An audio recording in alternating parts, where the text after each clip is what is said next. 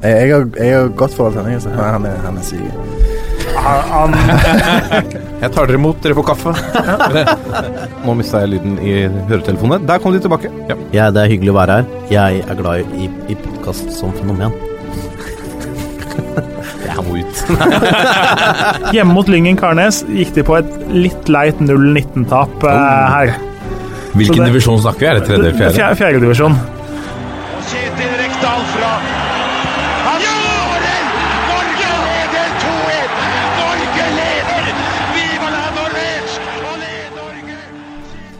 Hei og hjertelig velkommen til eh, toppfotball. Vi er tilbake uten Martin Roppestad, som er ute og driver med fysisk eh, fostring. Eh, Jørgen Kjernås, du har løpt trappene i dag, eller? Nei, vi har tatt heis. Ja. Det er verdens farligste heis, sånn cirka. Det er egentlig et under at man, ingen har dødd i den heisen. Men det, Kjetil Rekdal hadde ikke tatt den heisen. han hadde ikke tatt den heisen, det er helt sikkert. Men uh, Roppestad hadde en tynn uh, unnskyldning forrige gang han ikke var her. Jeg vet ikke om uh, den er bedre, men gjerne bitte litt. Ja, Sist så var det jo veldig varmt. Da var han på stranda, fant vi ut. Han påstod han var syk. Eh, Hei til deg, Joakim Bortsen. Ja. Godt å ha deg tilbake. Takk for det. Er det bra? Alltid deilig å være tilbake her. Snakke om norsk uh, fotball med en gjest i dag i tillegg. Uh, så det, det blir bra. Ja, for det er ikke en hvilken som helst uh, gjest vi har. Vi har på Twitter lansert han som selverklært skamløs. uh, Jonas Berg Johnsen fra Eurosport. Uh, du sa jo det, du er skamløs. Ja, du spurte meg hvilket bilde skal jeg bruke av Instagram-bildene dine. Sa jeg nei, det får du bare velge sjøl. Det er jo Jeg er jo skamløs, jeg. Eller om du sa det først, eller ja, Ja. et eller annet. Hjertelig velkommen, i hvert fall. Tusen takk. Og de bildene ligger jo der til spot og spe allerede, så det er jo Ja. Hvem som helst kan jo plukke det. Du tok et fra eh, eh, Kroasetten i Cannes under EM i 2016, så det var veldig fint, det. da Fotballrelaterte greier. God stemning. Fryktelig god sånn rosévin i magnumflasker nedpå på, nede på stranda der. Men ehm, vi tok det ganske pent i forhold til en del av de historiene jeg hørte fra Espen Sjampo Knutsen da jeg var i hockey-VM med han i tre uker. Da ble det jo en del sånne Cannes-historier. Han har jo en del uh, venner som henger mye der, så han uh, fortalte om noen varianter som ikke egner seg på lufta. Ja, her tror jeg nesten det meste er lov. Eh, men vi har ikke sånn R, eller hva det heter, sånn for eh, eldre enda. Men det dukker opp et banneord her, så vi burde kanskje hatt det. I dag så skal vi overraskende nok snakke om eh, norsk fotball. Vi skal selvfølgelig ha en fyldig gjesteprat med Jonas. Vi skal se litt på landslagsåret 2018. Eh, Jørgen, det er vel ikke så mye breddenytt å komme med nå når alt er over? Nei, vi skal snakke litt om noen trenerskifter eh, der. Ellers så er det jo litt den stille tida. Veldig mange spillere som søker seg litt rundt og sånn, men det er ikke så mye veldig spennende. Det er det ikke. Nei, Vi skal også selvfølgelig eh, minne om kandidatene til årets eh, Dang. Og så skal vi ha en fyldig preview av årets siste eliteserierunde. Er det, er det litt trist, Jonas? Du som jobber med dette hver helg. Det er trist og rart, og så er det også alltid godt. Og så vet jeg at om en uke så ligger jeg på en strand i Costa Rica, så det er noe med det å eh, ha en gulrot å glede seg til alltid i enden av november, begynnelsen av desember der, som gjør at du Ja, nå tar vi ferie, og så begynner vi på igjen i 2019. Så du dropper eh, playoff og kvalikkamp? Ja, eh, ja det blei sånn i år, eh, rett og slett. Så jeg, den arbeidsoppgaven overlater jeg til noen andre, men de er i de beste hender. Dette er toppfotball. Ja, Jonas eh, Berg Johnsen. Eh, hvem er du? Nå gikk jeg ut av kjøreplanen med en gang. Ja, gjør det enkelt å svare. Ja, ja. Ehm, sånn rent uh, Jeg er jo en Oslo-gutt, da. Født og oppvokst på Maurstua. Frigg-gutt. Spilte der i 14 år. Aldri noe god.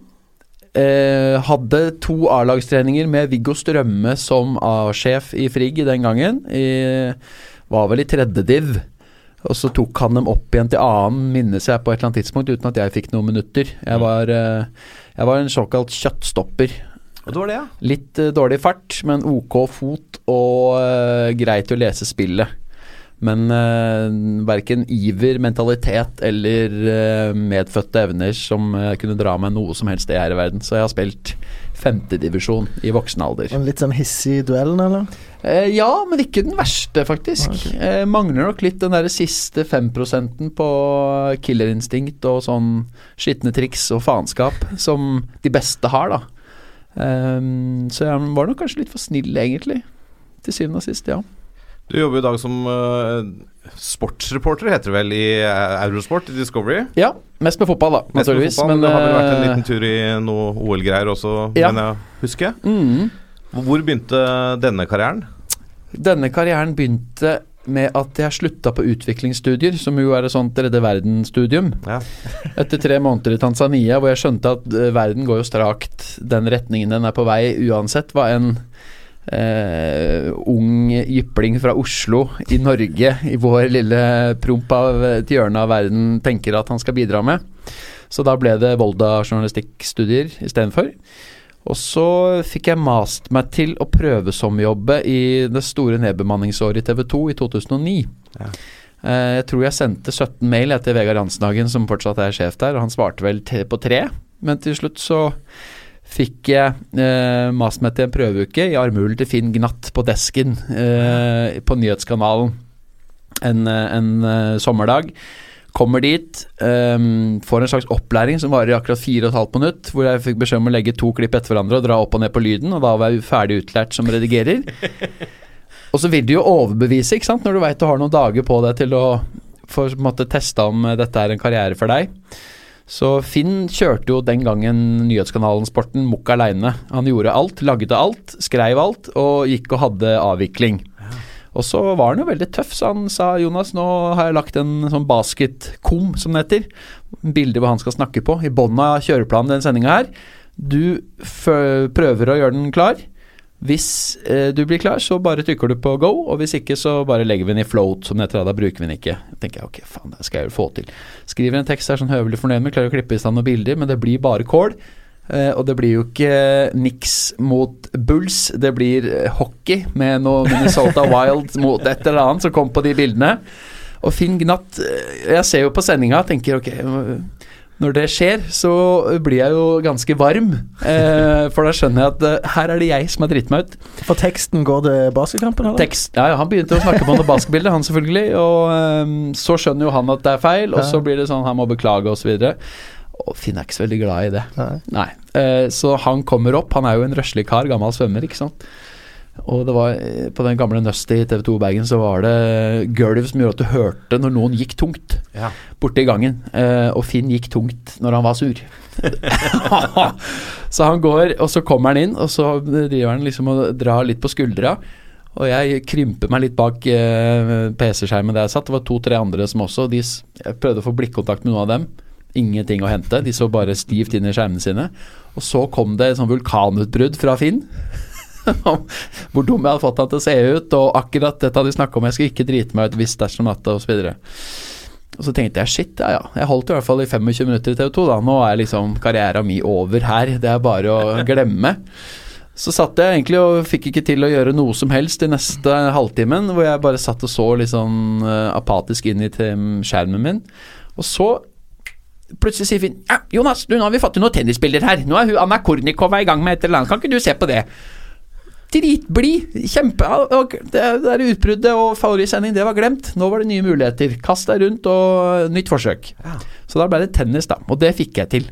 Og etter det så var det sånn ok, kanskje dette kan gå likevel. Så sånn starta det. Er ikke veldig langsint, da. Finn er sint i akkurat 40 sekunder, og så har han glemt det. Ja. Men eh, det visste jo ikke jeg. Nei, nei, selvfølgelig. Uh, og det er nok en del som har opplevd uh, at det har gått noen kuler varmt på desken i TV 2 opp igjennom. uh, det var visst enda verre før, før den tid, da. Ja. Men, men det var helt fantastisk å jobbe med Finn, for han, han er så trua på alle. Inkluderende, tør å gi deg arbeidsoppgaver. veldig god til å gi tilbakemeldinger. Og vært, eh, var en veldig bra mann å starte med, til syvende og sist. Selv om det var litt skremmende også. Ja, For de som ikke har vært i et eh, TV-studio eller kjenner til bransjen. Altså, eh, selv om det er han du ser på TV, så det, er ikke det bare det han gjør. Han står ikke bare og presenterer noe på TV. ikke sant? Det, Nei, det gjør han ikke. Selv om Finn Og Finn er jo virkelig et enmannsorkester. Mm. Han gjør alt. og det er mange ankere som ikke er i nærheten av kapasiteten hans, eller som ikke bidrar så mye med å gjøre ting rent praktisk inn i sendinga. Der er han et av de, mm, de dyktigste vi har. Så eh, men når han da stort sett drev dette på egen hånd på dagtid, så fikk han noe hjelp av og til av sånn som meg som kom inn på prøve, eller det var ja, litt sånt da. Men eh, det er jo mye som skal fikses for at en sending skal gå i boks. Eh, så ja. Én ukes prøvetid i TV 2. Det blei mer. Ja, men det problemet den sommeren var at de sa jo opp 100 folk eller noe sånt. Ja. Det var kjempenedbemanning, så de hadde egentlig ikke lov til å hente inn noen. Eh, men så skjønte jo han som satt med kjøreplanene og vaktlistene der at fader, vi har jo ikke folk. Så det ble jo, jeg jobba jo 140% den sommeren. Og syntes jo det var kjempekult og bare pøste på. Og så da hadde jeg fortsatt to år igjen av studiene, da. Så da blei det feriejobbing. Og så jobb, Volda er jo ganske kort fra Ålesund og Molde, så jeg begynte å dekke litt kamper og sånn, og så balla det på seg. Ja, for jeg hadde deg lagra som Jonas TV 2 på telefonen fra Ja. Vålerenga-tida. Ja, i like måte. Eh, det ble fem år der, da, totalt sett. Ja. Før eh, Det var en ny nedbemanningsrunde i 2014 hvor vi var en hel haug som var litt sånn på halvveis vei ut.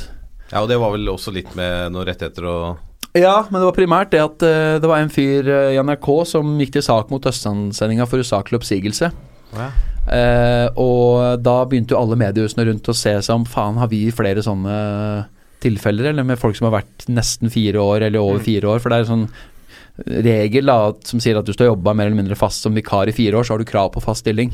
Dette er jo en kjent problemstilling i, i, både i VG, hvor Joakim er, og Dagbladet, NRK, Aftenposten, overalt egentlig. Så mm, da var det, begynte det å brenne litt på dass både her og der.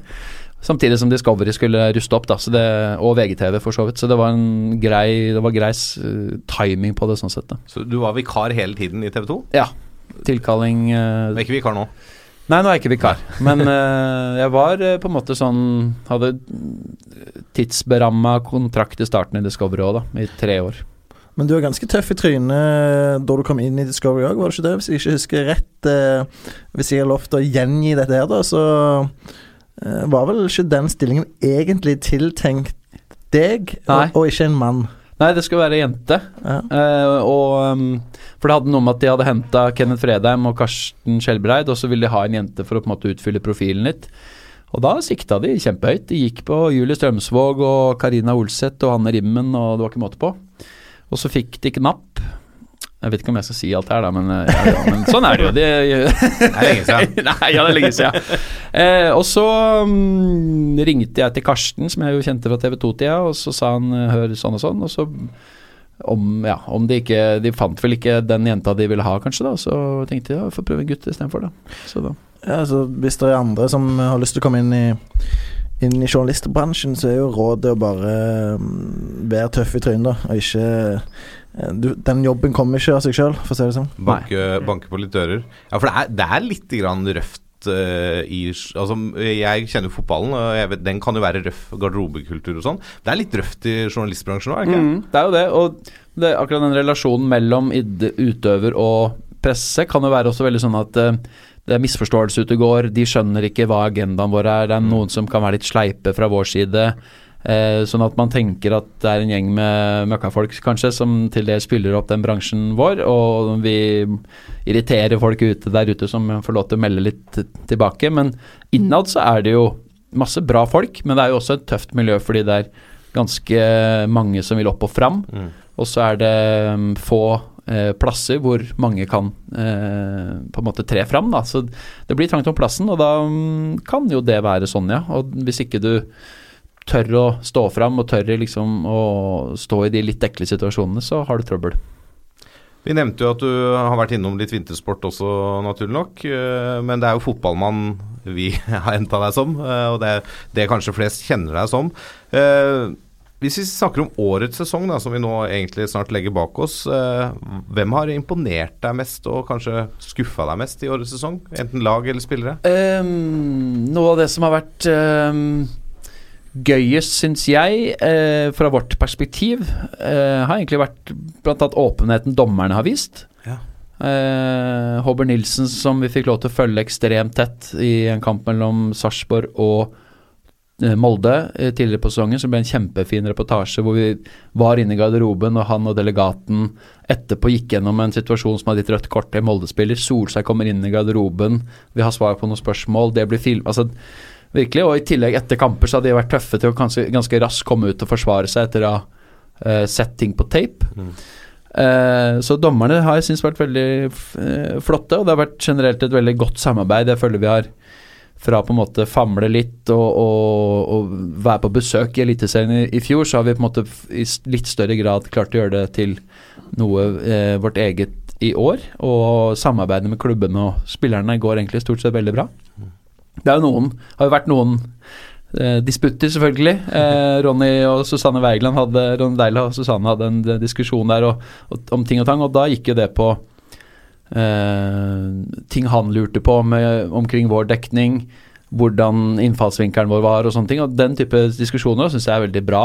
Fruktbare, egentlig. At eh, trenerne og spillerne tør å si ifra Mm. når noe er gærent, da. Eller når det er noe de stusser på. At det kan bli en eh, en dialog der. Eh, det er fra det TV-faglige, da. Mm. Men sånn sportslig så eh, er jo Ranheim den ja, helt ubegripelige store overraskelsen. Og at Kristiansund for 15 år på rad har klart å ha resultatforbedring, er jo nesten like imponerende, i mine øyne. Og så er Godset den største skuffelsen, syns jeg. Ja. Eh, og så er det litt kjipt at Rosenborg vinner på ikke full maskin. Det er jo ikke første gang. Eh, Brann gjør så godt de kan lenge.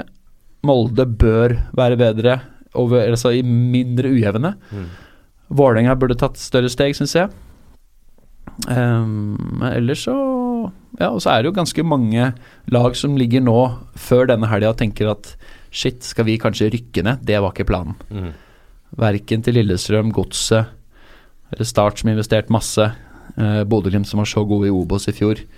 Uh, ingen av de ser på seg sjøl som noen nedrykkslag, tror jeg. Men um, ett av dem må nok ned, eller i hvert fall i kvalik. Ja. Mm. Det kommer vi selvfølgelig tilbake til litt senere i sendingen.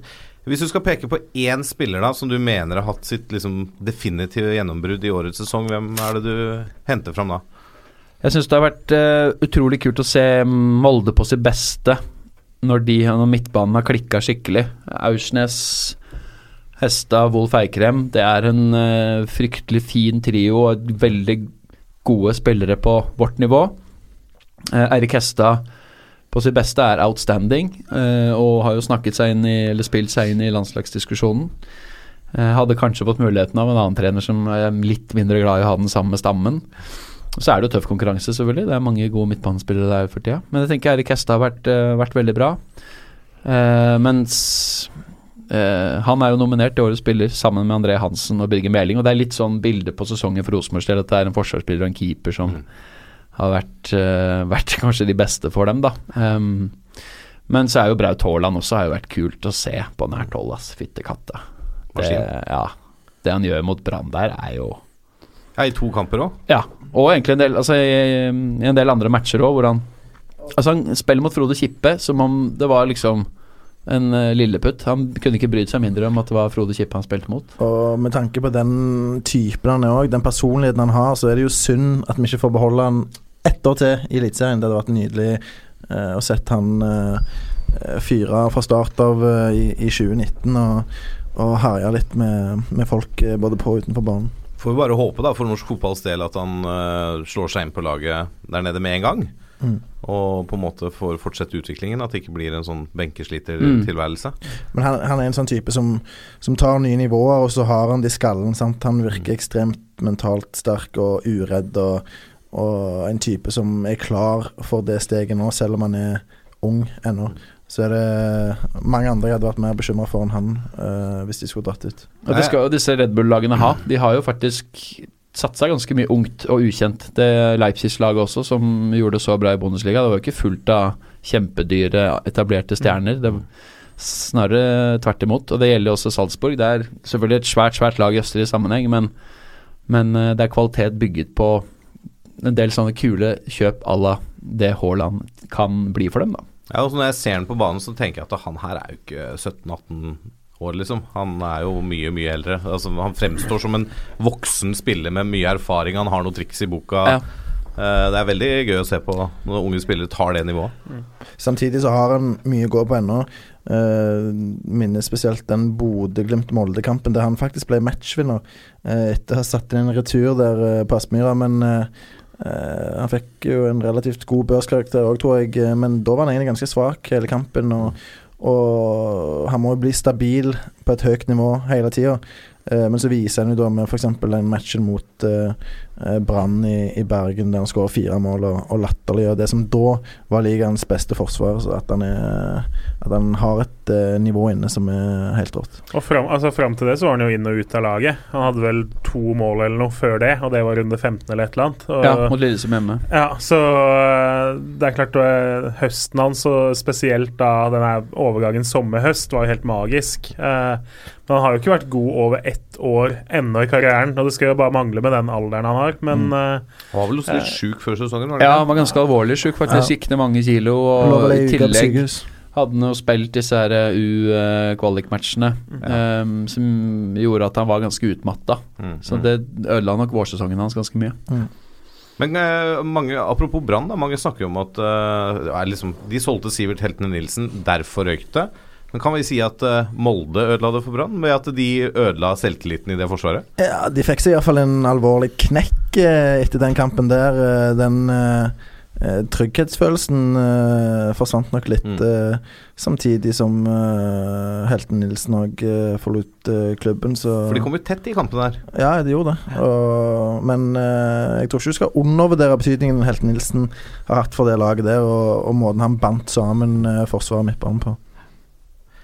Eh, Jonas, eh, ditt personlige høydepunkt, eller dine personlige høydepunkter fra årets sesong, hva, hva er det? Hvis du tenker tilbake på alle de arenaene du har besøkt, og de opplevelsene du har eh, hatt på nært hold. Ja, ehm, jeg tenkte nesten den kuleste kampen jeg var på, det har egentlig vært Strømsgodset Kristiansund, tror jeg. Ja. Helt sjuk mandagsmatch, som selvfølgelig gikk litt under radaren i og med at det var de to laga, kanskje, men Godset gikk ut, det var nå i høst. BP var inne, de hadde jo slitt. eh, Men eh, på sitt beste så flagger jo den hjemmefotballen der, og det dundra og gikk. Skårer, men Kristiansund snur det, og det bare renner inn andre veien. Og så jager Godset 2-3, og så koker det inn til at de taper matchen, da. Eh, Men det var en kamp hvor du ikke kunne kjøre ett sekund øya av banen fordi det skjedde så utrolig mye, og det gikk så fort. Og det var sikkert 14-15 målsjanser den første omgangen der. Det var helt galskap. Så det, sånn rent fotballmessig, nesten kuleste. Men Rosenborg-Ranheim, stappfullt.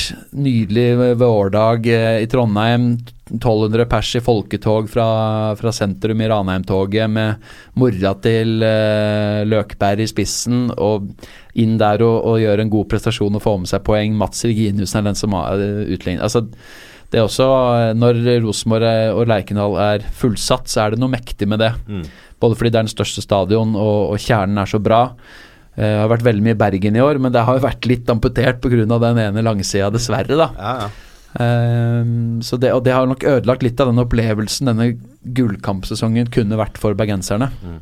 Tenk den øh, seriefinalen da med fullsatt uh, over hele stadion, ikke bare to kortsider og en langside. Det, Og en det, ordentlig det matte. mangla en dimensjon. Ja, og matta, ikke minst. Ikke sant? Vi hadde jo nesten 600 000 seere i annen omgangen der. Det er jo helt uh, formidable tall til å være oss og uh, fot norsk fotball på TV i, i 2018. Ja. Men så ble det jo en ganske amputert opplevelse, dessverre. da og at eh, Brann ikke klarte å ha den matta i orden til det som er den største kampen i Eliteserien på veldig veldig mange år. Det er vel gjerne den største skandalen i Eliteserien 2018, vil jeg påstå. Ja, det tror jeg vi kan eh, være enige om. Uh, I TV-bransjen så er det ikke Du nevnte jo i stad med Finn Gnatt og noen bilder som skulle sendes. Det er jo ikke alt, eh, alltid det går på skinner, men det går jo ofte live. I hvert fall når det er fotball. Ja. Hva er det mest stressende du har opplevd på jobb? Um, jeg, jeg tror man blir jo litt mer rutinert etter hvert. Så selv om eh, jeg var pissnervøs før OL, fordi det var så svært og det var noe nytt, og det var eh, Om det ikke var så høye forventninger til oss, så var det i hvert fall et veldig forventningspress. Men da skulle du ha langrenn òg, og du kødder liksom ikke med langrenn. Da blir du slakta. det, det, var, det var livsfarlig, altså. Men eh, jeg, var, jeg var nok mer nervøs oftere tidligere. Eh, Jeg hadde en fryktelig svett seanse på nyhetskanalen en gang, eh, sånn 10-12 minutters live, hvor jeg skulle intervjue masse politikere om bokseforbudet i Norge. med Cecilia Brekkhus og noen politikere Altså, jeg var helt sjanseløs. Men det aller verste tror jeg var en gang det skjedde ganske kjapp utvikling i den um, Stengel Gunnarsson-saken. Ja. Og det var i den tida hvor jeg var frilanser og ble oppringt av Espen Solbakken, er Redd-sjef i, i TV 2-sporten. Klokka halv elleve lå i senga og døsa. 'Du, kan du komme deg opp på Ullevål? Det har skjedd ting og tang i påtalenemnda', eller hva det var. Ja, ja, ja. Og jeg rett opp dit, og ble jo mer eller mindre vekt halv elleve. Og, eh, og eh, ti over halv tolv var jeg live på TV. Og var jo egentlig ikke inne i liksom siste gangen i saken i det hele tatt. Og rota fælt med, med navn. Ehm, fordi at eh, Hva het han ehm, eh, Var det Truls Håkonsen han het? Han gamle jeg vet med, eh, jeg var både innom Yngve Håkonsen, han gamle Lynbekken, og eh, Terje Håkonsen, før jeg klarte å resonnere meg fram til Nei, det var uff a meg. Og da husker jeg det var masse pressefolk og forbundsfolk og sånn i FHM på forbundet der. Og svetten rant. Og, eh, jeg, og når du bommer sånn på navn og blir så usikker, så mister du veldig kontrollen av intervjuet. Og det merker intervjuobjektene, som ikke i utgangspunktet syns noe særlig om TV 2s dekning, eh, selvfølgelig. Så det var, eh, det var stressende greier, altså. Men man lærer jo så lenge man lever, og så er jo sent glemt stort sett, da. Ja. Var det en av de, dine største tabber, eller har du noen andre tabber eller morsomme historier du kan dele med oss? Eh, jeg har jo, man gjør jo tabber, sånn småtabber hele tida, men eh, jeg har vel ikke hatt noen sånne karrieredefinerende tabber enda. Det kommer vel på et eller annet tidspunkt.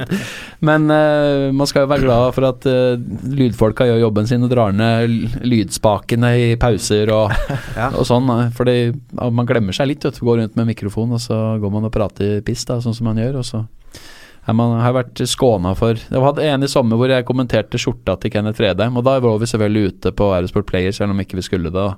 Det var en god del som fikk med seg, men eh, det bare vennskapelig og ja, han, han satt jo i en fryktelig Hawaii-skjorte der, men eh, Da var det egentlig greit. ja. Altså, det Ja, jeg tror vel ikke da, Jo, altså sånn som i OL, da. Så eh, i kombinert, de tyske gutta som var best Uh, Han ene hadde skjegg, han husker jeg hvem var. De tre andre var kliss like, kom jo i identiske utstyr og lua tredd langt nedi. Mørke øyne og spisse neser. Jeg ante jo ikke hvem som var hvem. Og de hadde da vunnet gull, sølv og bronse. Ja. Uh, og jeg, jeg, jeg visste ikke hvem som var hvem, og det visste ikke de uh, produsent eller vaktsjef heller, så jeg fikk bare høre på øret Er dette gullvinneren? Nikk hvis det er riktig. Og så står jeg og nikker fordi at jeg hører på noen svar, og så kommer det opp Supring, gullvinneren, og så var jo det egentlig han som vant bronse. Det var bare rør. Men da må du bare prøve å ikke si noe som avslører det. Det ble veldig sånn How Veldig was to win this medal? Og Ja, ja. The three of you together on the podium, bla, bla, bla. Og, og da tenkte jeg Og så sa de 'Yes, I'm so happy for the silver', og da visste jeg jo hvem det var. Ja. Ja, så det er en del sånn hvor du er fryktelig ute på svømmetur, men du må prøve å late som at du ikke eh, er det, da. Men hvordan var det å være mannen som på vegne av en hel nasjon krevde Per-Mathias Høgmo sitt hode på et fat? For det, du tok jo den Ja. på Høgmo og To sa dager etter Paris-terroren. Ja, eh, det gjorde du også, ja. Ja. Riktig, det var bra timing på det. Ja, det Ja, ja, men det er jo Fotball er jo heldigvis befriende ufarlig av og til, da. Uh, men uh, mange syns jo også det var befriende at uh, en reporter uttrykte det mange var frustrert over. Hva tenkte du da du sto der? Var det ektefølt, eller var det noe dere hadde planlagt? Nei, det var ektefølt. um, og det var ikke planlagt. Jeg tror nok jeg var eh, kraftigere i kly, eller hardere klypa enn det både vaktsjef og redaksjonen hjemme hadde tenkt, eller Ja. sett for seg. Men de er jo prisgitt hva, hvordan jeg løser det der og da, og når de har begynt å sende det, så vet jo ikke de hvordan det går, hvilken retning det bærer. Um, Høgmo brukte jo lang tid på å komme ut fra garderoben, sånn at um, intervjuet eh, Han kom ut uh, idet vi var i reklame, så det gikk ikke live. Nei. Men da sa Svein Graff, eh, pressesjefen til Norge, at uh, det er nå eller aldri. Og da måtte, måtte vi bare sette i gang. Og så tenkte jeg Ok, vi har snakka Vi er overraska over laguttaket før kampen. Uh, Nils Johan Semb sier når jeg spør Er dette gambling gone wrong med uttaket av, uh, av Martin og Moyel og Nossi, som den gang jo var mye ferskere. Ja, det kan du godt si. Ja. Det sa han i pausen. Og det er jo ganske frisk tale fra toppfotballsjefen, egentlig. Um, så jeg tenker ok, Per Mathias, nå stiller vi to spørsmål, så får vi se hvilken vei du vil at dette skal ta. Og så var jo jeg ganske ledende allerede fra starta, og han gikk i forsvarsposisjon med en gang. Og Ungarn var et godt lag og alt det der. Og da tenkte jeg ok, men nå sitter folk hjemme og er liksom snytt for mesterskap enda en gang Leirvis, på denne gylne muligheten. Og nå er det VM-kvalik. Tror du virkelig at vi skal Altså, vi så jo hvor mye tøffere det ble. Eh, og da gjør vi jo løs. Og så, sånn rent intervjuteknisk så er det jo mange ting Altså, det er nesten ikke et spørsmål, det er bare masse konstaterende setninger um, som går i strupen på han, egentlig. Eh, men det er rart, fordi jeg var jo litt forbanna Altså, jeg følte jo at vi hadde, det, hadde vært, det var en fantastisk mulighet som, som røyk. Eh, og den følelsen satt jo jeg også med, og det gjorde jo veldig, veldig, veldig mange hjemme òg.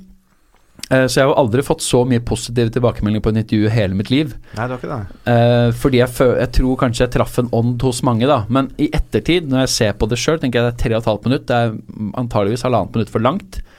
Og det er nesten ikke et åpent, godt spørsmål. Det er bare veldig sånn. Ehm, men jeg, jeg traff nok eh, en tone hos de fotballinteresserte. Og så har jeg mange venner som sagt at de så på fotballkampen med mora si eller kjæresten sin som ikke har sett fotball på TV nær sagt noen gang. Og de tok putene foran øya for de syntes det var så pi eller ekkelt å se på. da Ja. Måten liksom stakkars Høgmo sto der og Den konsentrerende ja, forsøkte å forsvare seg. Og det var litt artig å se hvordan eh, det stort sett på Twitter var veldig mye positivt, mens på Facebook-siden til TV Norge, der var det litt andre Der var det liksom ikke fotballfolket. Der var det Ola Kari. Å, herregud, jeg har ikke måte på hva som eh, skulle skje med meg. Så det var eh, Nei, jeg vet ikke. Man, man rekker jo ikke å tenke heller, ikke sant. Det bare det, Hvordan responderte Høgmo? eh, Imponerende, syns jeg egentlig. Sånn til syvende og sist. Jeg hadde blitt dritforbanna. Men i etterkant òg, var han liksom Det var greit? Eller Ja, han var ikke bitter? eh, nei, eh, så forsvant jo han videre. ehm, og så traff jeg han igjen på vei ut til flyet dagen etter i sånn shuttlebuss. Og da snakka vi sammen, og jeg spurte hvordan uh, jeg stod liksom. Og jeg, kjø jeg kjørte jo på i går, og sa han ja, jeg skjønner jo det. Og det var ingen sure miner. Så han hadde lagt det bak seg allerede. Og der er det stor forskjell på trenere og spillere. Sant? Han, er jo, han er jo til syvende og sist veldig proff. Han har vært i, om ikke en så ekstrem situasjon at det mista en, eh, en EM-mulighet med, med et landslag før, så, så har han jo stått i, i en del stormer og, og skjønner på en måte eh, mekanismene, hvordan det fungerer mellom eh, media, som har en, en jobb å gjøre og, og må stille kritiske spørsmål der det kreves. Ehm, og, og da må han svare for det. Og så har du andre som, som gjerne tenker at det er urettferdig, og hvorfor gjør du det, og som er langsinte. Men da uh, syns jeg han fortjener ros sant, for å takle det på en fin måte. Ja, for Vi har vel hatt noen eksempler også i år på at eh, det virker som enkelte eh, spillere, og da kan vi jo bl.a. nevne vår egen landslagskaptein Stefan Johansen, tar seg litt nær av den kritikken som kan komme, og da har et veldig behov for enten i form av feiring eller i etterkant å vise liksom med all tydelighet at den kritikken 'jeg hørte dere', eh, hold kjeften deres, på en måte. Eh, er det Syns du det er greit at spillere på en måte eh, reagerer på kritikk ved å øh, bli snurt, eller er det noe de må leve med som fotball, profesjonelle fotballspillere? Jeg skjønner utrolig godt at det er provoserende å bare få masse av de like kritiske, negativt lada spørsmålene på rekke og rad i trynet like etter at du har Du veit du ikke har prestert. Mm. for det er jo ofte da de kommer, det kommer ikke ut av det blå. Nei. Eh, sånn som nå når Sørloth hadde disse to kjempebommene mot Kypros, at vi vant, toppa gruppa, eh, egentlig bare god stemning. Inni seg sjøl hadde han ikke noe god følelse. Nei. Sånn er det jo, selv om du spiller på et lag, så hadde nok ikke han en drømme eh, vibb i magen når han gikk av den banen. Når han kommer ut inn til sonen, så er det rett på det. Mm, mm. Ikke sant? Og da ser du hvor kort han er, og han, han har lyst til å liksom han vil, Det er det siste han vil snakke om i hele verden. Han vet hvor eh, At han burde ha scora. Mm. Og så eh, blir det på en måte det en negativ opplevelse. Og Stefan Johansen har jo dessverre for han nå havna litt i den samme situasjonen som Per Siljan Skjelbreid gjorde. Ble kaptein, fikk ikke plass sentralt i banen, ble dyttet på kant, hvor han ikke er så god, og det er tøff konkurranse. Og blir bytta ut tidlig, Som og nå kaptein. vraka. Ja. Um, og det er jo fordi at ikke det har fungert optimalt. Eh, Samme med Markus Henriksen, som eh, det plutselig dukka opp noe at han hadde fått som, han følte han hadde fått urettferdig dårlig på børsen noen ganger. Og det skjønte jeg egentlig ikke helt, fordi oppfatningen jeg hadde, var at han stort sett fikk ganske godkjent karakter og har jo blitt en god landslagsspiller. Men at du De sitter nok og leser en del, altså de følger med. Og at noen irriterer dem, noen journalister særlig irriterer dem i måten de graver og kjører eh, vinklinger på, det skjønner jeg kjempegodt. Og de kommer jo ut i, uh, i en periode hvor de på en måte er høye på adrenalin ofte. Eller at de har en dårlig dag, det er andre ting. Og så, ah, så har du lyst til, og så kommer det en litt sleivete uttalelse, og så blir du konfrontert med den mange ganger igjen etterpå det. sant? Og det skjønner jeg òg, at uh, folk kan bli både lei seg og, og provosert. Samtidig så er det jo viktig at eh, så lenge spørsmålene fra journalister er fair, og at du på en måte konfronterer spillere eller trenere men det som på en måte har skjedd og er saklig, eh, så må de på en måte forstå at det er en del av gamet, og så kunne svare for seg, og, og ikke ta det så veldig personlig. sant? Det er jo Det er vanskelig, da. Det er jo den prestasjonen ja, du har gjort selvfølgelig, som blir selvfølgelig. Men så er det kampen etterpå, da, så skårer Stefan Johansen to mål. Mm. Og så blir han hylla. Eh, og da eh, får han forsider og oppslag, sant. Så da, det er sånn det fungerer. Og eh, så lenge journalister opptrer eh, på en eh, redelig måte, at det ikke er noe sånn eh, sleivspark, på en måte, som, som er nødvendig, eller angriper Eh, hva skal jeg si eh, Hårsveisen og, og, Eller bruke et eller annet sånn urimelig mot de da. Eh, så mener jeg at de bør tåle det. Og så er de jo bare mennesker. Altså, de kan, altså En fotballspiller og en fotballtrener kan si så mye de vil, at jeg leser ikke Twitter, jeg leser ikke sosiale medier, jeg leser ikke hva, hva journalister mener om meg, eller kommentatorer mener om meg. Men til syvende og sist, så de bekrefter det gang på gang, at de får det med seg. Mm, Og at det påvirker dem. definitivt. Og, Men det er naturlig, det er mennesker. Um, og det, det, før uh, OL-sesongen så måtte vi starte på scratch med langrenn. da Så jeg hadde et møte med de to pressesjefene til, eh, til Norges Skiforbund som har med langrenn å gjøre.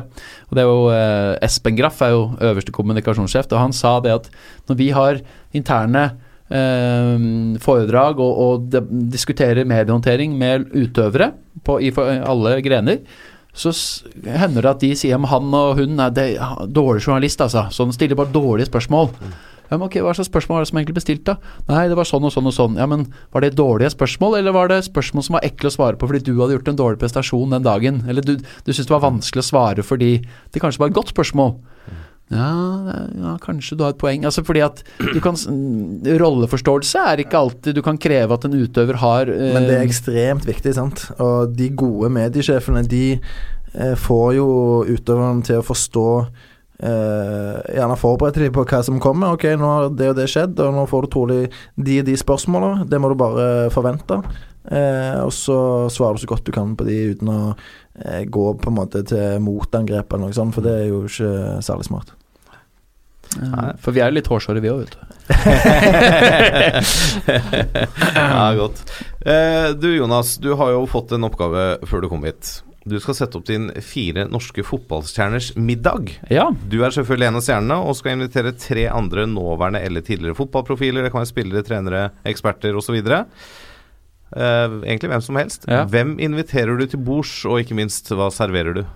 Um, jeg uh, tenkte jeg har lyst til å invitere noen som jeg ikke kjenner så godt, eller ikke har møtt. Ja. Ehm, så den første jeg strøk av lista, det var Kjetil Rekdal, for han sitter bare med nesa ned i telefonen og følger på Formel 1 og hockey og alt mulig rart, og er ikke matinteressert en flekk. um, satt nede da Rosenborg spilte mot Real Sociedad i San Sebastian i fjor høst. Så hadde vi jo booka bord på to kvelder på rad på veldig gode restauranter. Det er jo en nydelig matby. Og den ene av disse her var jo over 150 år gammel og lå i en kjeller med elendig internettdekning. og det var jo masse fotballkamper som gikk den kvelden, og et Formel 1-løp. Og eh, Kjetil fikk jo ikke sett, for det var så dårlig internett. Og så er han jo ikke spesielt interessert i liksom tapas og chocha og hva det, de nå enn hadde der. Så han skulle ha sin steak. Ja, one steak, very well done. og hun servitøren hadde jo knapt hørt noen ville ha noe very well done eh, på den restauranten noen gang, for det er jo på en måte Det er jo litt Det Er banning i kirka? Det er banning i kirka, Ja. Ja. Og han skulle også ha coke. No, make it two cokes. Var, var ikke interessert i den bibelen av en vinmeny de hadde der heller. Så eh, hun tenkte å dette skal bli en sånn kveld, og så er det neste han spør How is the internet connection so bad down here? så han fikk jo opp og ned for å Ja, uansett. Så det ble ikke Kjetil til middag, da. Men eh, det er alltid gøy å være på tur med Kjetil. Men akkurat til middag så ville jeg valgt hun andre. Og da tenkte jeg først om jeg så kjørte sånn 90-talls Hvor er de nå-variant. Ja. Hai Nok Tran, Randi Leinan, eh, litt sånn den gata. Men så la jeg det fra meg, så, mm, og endte på noen som jeg kan prate med andre ting enn fotball om. Ja. Og da eh, kommer faktisk Per-Mathias Høgmo inn. ja. Han er en sånn fyr som kunne vært i vennegjengen til mutter'n og fatter'n. Eh, han er jo egentlig opptatt av alt mulig rart mellom himmel og jord, og ikke en sånn Han er jo fotballnerd, men langt ifra så enspora som mange andre mm, trenere og spillere er. Mm. Og så ville jeg hatt med mm, Egon Holstad. ja. Twitter-Egon. Eh, Twitter-Egon. Eh, Rappkjefta nordlending. De to i hop med noen flasker rødvin tror jeg kan bli bra. Han mener jo friskt om det aller meste, og er jo gjerne musikkinteressert og sånn i tillegg. Mm. Og så har det vært trangt om den siste plassen, hvor jeg har vært litt fram og tilbake hvem det skulle bli, men jeg tror eh, jeg lander på en ehm, Hvem var det? Oi, hvem fader var det jeg faktisk landa på, da? Jeg bestemte meg her eh, litt seint, skjønner du egentlig, men jeg, jeg noterte det ned, for jeg, jeg, var, jeg prøvde å forberede meg litt. Ja, det er bra. Ja. Skal vi se ehm, Fordi jeg var innom så utrolig mange. Men eh, for å eh, gjøre miksen litt sydligere av seg, så har jeg invitert inn Pa Modoka som sistemann. Oi, oi, oi. Ja. For historie for virkeligheten. og ikke minst så har jeg bodd fem år i samme blokk som mora hans og tre av hans søsken på Tøyen. Ja, Eh, hun eh, spankulerer rundt og lager eh, mat så det lukter i hele bygget, støtt og stadig. Nå har jeg akkurat flytta, så jeg bor ikke der lenger, men veldig kul dame. Og skjønner hvor han får smilet og humøret sitt fra. Så der tror jeg det, der har vi en kvartett som kan holde kvelden lang og god. Kongen av Tøyen. Ja, kongen av Tøyen. Ja, Så det må jo bli eh, Tøyen-inspirert mat, da. Ja, det blir det, ja. Så vi, Du- vi får du vel tør det? eh, Ja, det får vi få Ja. til. By på det. Ja, nei, vi Jeg tenker at vi kjører litt for forskjellige varianter av kebab med litt uh, langtidsstekt pork og noe marinert kylling og litt sånn, og så forskjellige tilbehør skal man velge, da. Ja. Et eller annet sånt noe. Ja. Ja, men Det høres ut som et trivelig måltid, det. Ja, jeg tror det hadde blitt en sein kveld, altså. Ja. Mm, Jeg hadde det- sett på. eh, ja, ja. Ja. Det burde jo lages. Ja, altså Vi har jo sittet her i flere år og prøvd å selge inn dette til Ja, Har dere gjort det sånn konkret? Nei, vi har, men vi har jo hatt andre gjester fra Discovery, som jeg har sagt. Det er bare å si fra hvis dere Men du har, vært, konseptet. har ikke du vært med i det ordentlige Firestjerners middag? Jo, Hvem var du med da? det var litt sånn OL-spesial. Ok. Jeg tror jeg må jo være et av de minst kjente menneskene som har vært med der. Det, har vært eh, mye rart med etter hvert, det Ja, sies. Det var et par Så- sesonger de virkelig gravde dypt, men så tok det seg opp igjen. Kanskje fått litt mer eh, Det er litt på samme bookingen. med Kjendisfarmen, liksom, jeg var, var så vidt på TV for 30 år siden. Ja, og, nummer tre i Top Model 2009. ja, den, ja, da, da um, men det handler jo om å komplementere, altså finne liksom de rette typene som I hvert fall i en sånn Ja. sesong som Farmen er, da. Men jeg var sammen med mm, Asbjørn Myhre og Sjampo og Marte Christoffersen. Ja. langrennsløperen. Men jeg skulle egentlig ikke være med. Jeg var nok um, plan B, for jeg tror hun Birgit Skarstein egentlig skulle være med. Men inn, greia at de spiller jo inn tidlig høst, så idrettsutøvere er kjempevanskelig å få tak i. Fordi de må jo legge seg klokka ni og ikke drikke, og det er en dårlig Ja. kombinasjon til en innspilling som bare gjerne til sånn tolv-ett på natta, og det er fuktig. Det skal være litt fuktig, ja. For Ja. å skape litt stemning. Ja, det hjelper det, altså. Særlig den dagen du arrangerer, så lag, Jeg drakk jo vin fra tolv på formiddagen der. til Så ja, Var det på Tøyen? Jeg var på Tøyen, ja. Fikk du hjelp av mora, mora til Pamodoka? Det hadde jo vært kjempekult, selvfølgelig. Hun kunne jo vært min hemmelige gjest, Ja. men det gjorde jeg ikke. Jeg lagde maten sjøl, men det var altså så Det, det regna noe så grådig. Det var helt vanvittig lummert. Det var jo, eh, det var jo på sommeren, det var første dagen av øya. Og den, jeg bodde ganske nærme, sånn at musikken rant jo inn uh, vinduer og dører gjennom regndråpene, bare forsterka seg veldig. Så vi, vi måtte lukke igjen helt hermetisk når det var innspilling, for at det ikke så bråka det så fælt. Så det gjorde at uh, vi måtte Og så var det jo matlaging. Hadde langtidsstekt svinenakke i eh, 20 timer, så det var jo varmt i leiligheten i utgangspunktet. Og så var det sju folk i det TV-crewet, og oss fire. Så det var jo badstue inne i leiligheten, og så var det sterk mat i tillegg. Ja. Så eh, da vi skulle begynne å spille bordtennis, og jeg var ganske påseila og eh, da, Ja, da endte det opp i bare overkropp. Det var ikke helt planen, det. Mutter'n syntes ikke det var så stas, men um, Ja, har hun ikke sett uh, Instagram-profilen din? eh, nei. Dette er toppfotball. Da har vi kommet til uh, lyttespørsmål. Uh, vi har fått noen spørsmål på Twitter, for vi meldte jo at vi skulle få gjest i dag. Uh, har du spørsmål til senere episoder, så kan du selvfølgelig sende inn det via Twitter, via Instagram og toppfotball at 451.no, som er mailboksen vår. Vi begynner fra, med et spørsmål fra Markus Tømmerås. Jonas. Hvilken fotballekspert, journalist eller kommentator er den mest kunnskapsrike du har jobbet med? Åh, det, må rangere, altså. Ja, det er vanskelig. Fordi det er mange som har mye kunnskap, eh, på forskjellige fagfelt. Ingen som slår Bengt på kuriositeter fra 60-, 70-, 80-tallet. Men der ramler jo jeg av. Han eh, arresterer meg jo stadig vekk. Um, og eh, Så du vil ikke sette Marius Skjelbæk og Bengt i samme bil, egentlig? For da blir det, da blir det tungt for deg å følge med? Han har overraskende mye kunnskap om mye rart som eh, man ikke skulle tro. Altså Den lille knollen hans klarer å få inn Det er helt utrolig, faktisk. Um, men eh, jeg vil jo si at eh, Å være jobbe i TV 2 sammen med Johan Kaggestad var jo interessant. Mm. Hva sånn gjaldt generelt. For han var jo god på absolutt alt. Eh, Petter Myhre i TV 2. Eh, hos oss eh, eh, Kenneth Fredheim har, har sett utrolig mange fotballkamper opp igjennom. Em, og Asbjørn Myhre òg sitter på mye kunnskap, ass. Han holder på mye rart. Ja, han også. Han er sånn Da jeg hadde 30-årslag hjemme og Banjo-Kari begynte å dra i gang noen banjolåter utover det med noen revyviser fra gamle dager, så kunne han teksten der. Så han er, han er ikke god. Men eh, Nei, så jeg syns det er vanskelig å rangere sånn helt spesifikt. Um, Åge Skinstad i langrenn i OL, også kjempe Mm. Eh, det var utrolig fascinerende å se han duve i terrenget i langrennsverden. Det var eh, eh, nei, Han også er ekstremt kunnskapsrik på sine ting. Så det er vel kanskje et dårlig, men litt Nei, nei, sånn men utflytende svar. Mm. Så vi har fått spørsmål fra en uh, som jeg vet også lytter på din, eller de, deres podkast i Eurosport. Benjamin Sears. Ja, Ja, vår lytter. Vår eneste lytter. ja det, det, ja, det Ja. pleier å si det. Uh, han er ivrig også, så, heldigvis. Uh, takk for det, Benjamin. Han lurer på om har du dårlig samvittighet for intervjuet med Thomas Lene Olsen? Og hvor dårlig samvittighet kommer du til å få eventuelt oh. når LSK rykker ned? Ja, jeg har litt dårlig samvittighet for det, faktisk. Fordi at formuleringen er så unødvendig upresis, um, og at han jeg, jeg så jo at han eh, var forbanna. Han kokte. Ja, og det ga han jo uttrykk for sjøl. Og så fulgte jo jeg opp med det spørsmålet mitt som ble, som ble feil, dårlig formulert. Men, men eh, jeg vet ikke, jeg tror ikke, ikke? De, de er jo De koker bra i pausen der av og til. Ass. Og når han la til det på slutten, det gjelder jo dommerfaen som var det utløsende, da, så, så røyk jo da neste kamp. Og det var jo en sånn eh, kamp hvor alt gikk på tverke for Lillestrøm, da.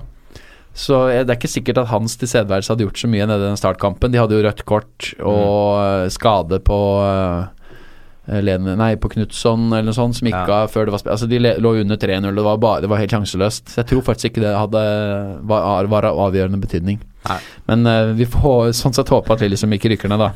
jeg håper jo ikke at noen av lagene rykker ned, men Nei, Ja. noen må ned. noen må ned. Ja. Så har vi fått uh, fra Doffen, eller CB Julebrus 4 For Life blir jo det selvfølgelig da. Han lurer på vinne Fantasy Premier League eller se Arsenal toppe Premier League etter runde 38. Definitivt nummer to. Nummer to, ja. Det er Ja, greit. Det er lett.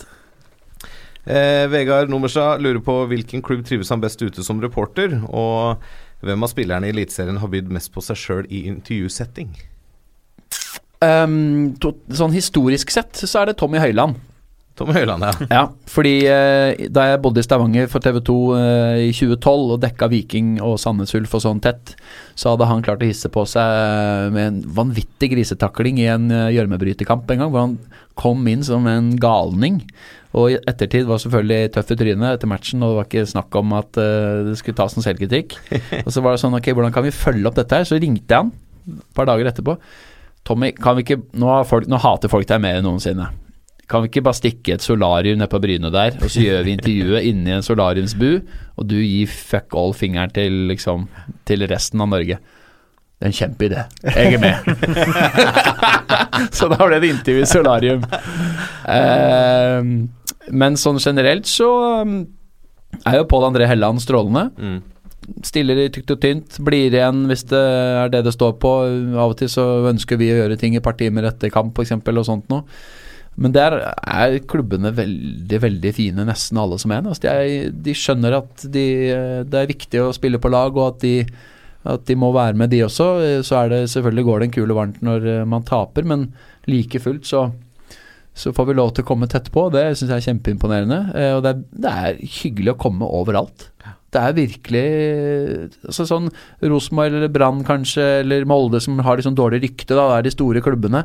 Selv der er det jo fryktelig hyggelig å komme. Mm, mm. Nesten alle som er der, er jo veldig, veldig hyggelig å møte igjen. Så eh, Mens Kristiansund, Stabekk, Drammen, eh, Haugesund Nesten overalt, egentlig, altså.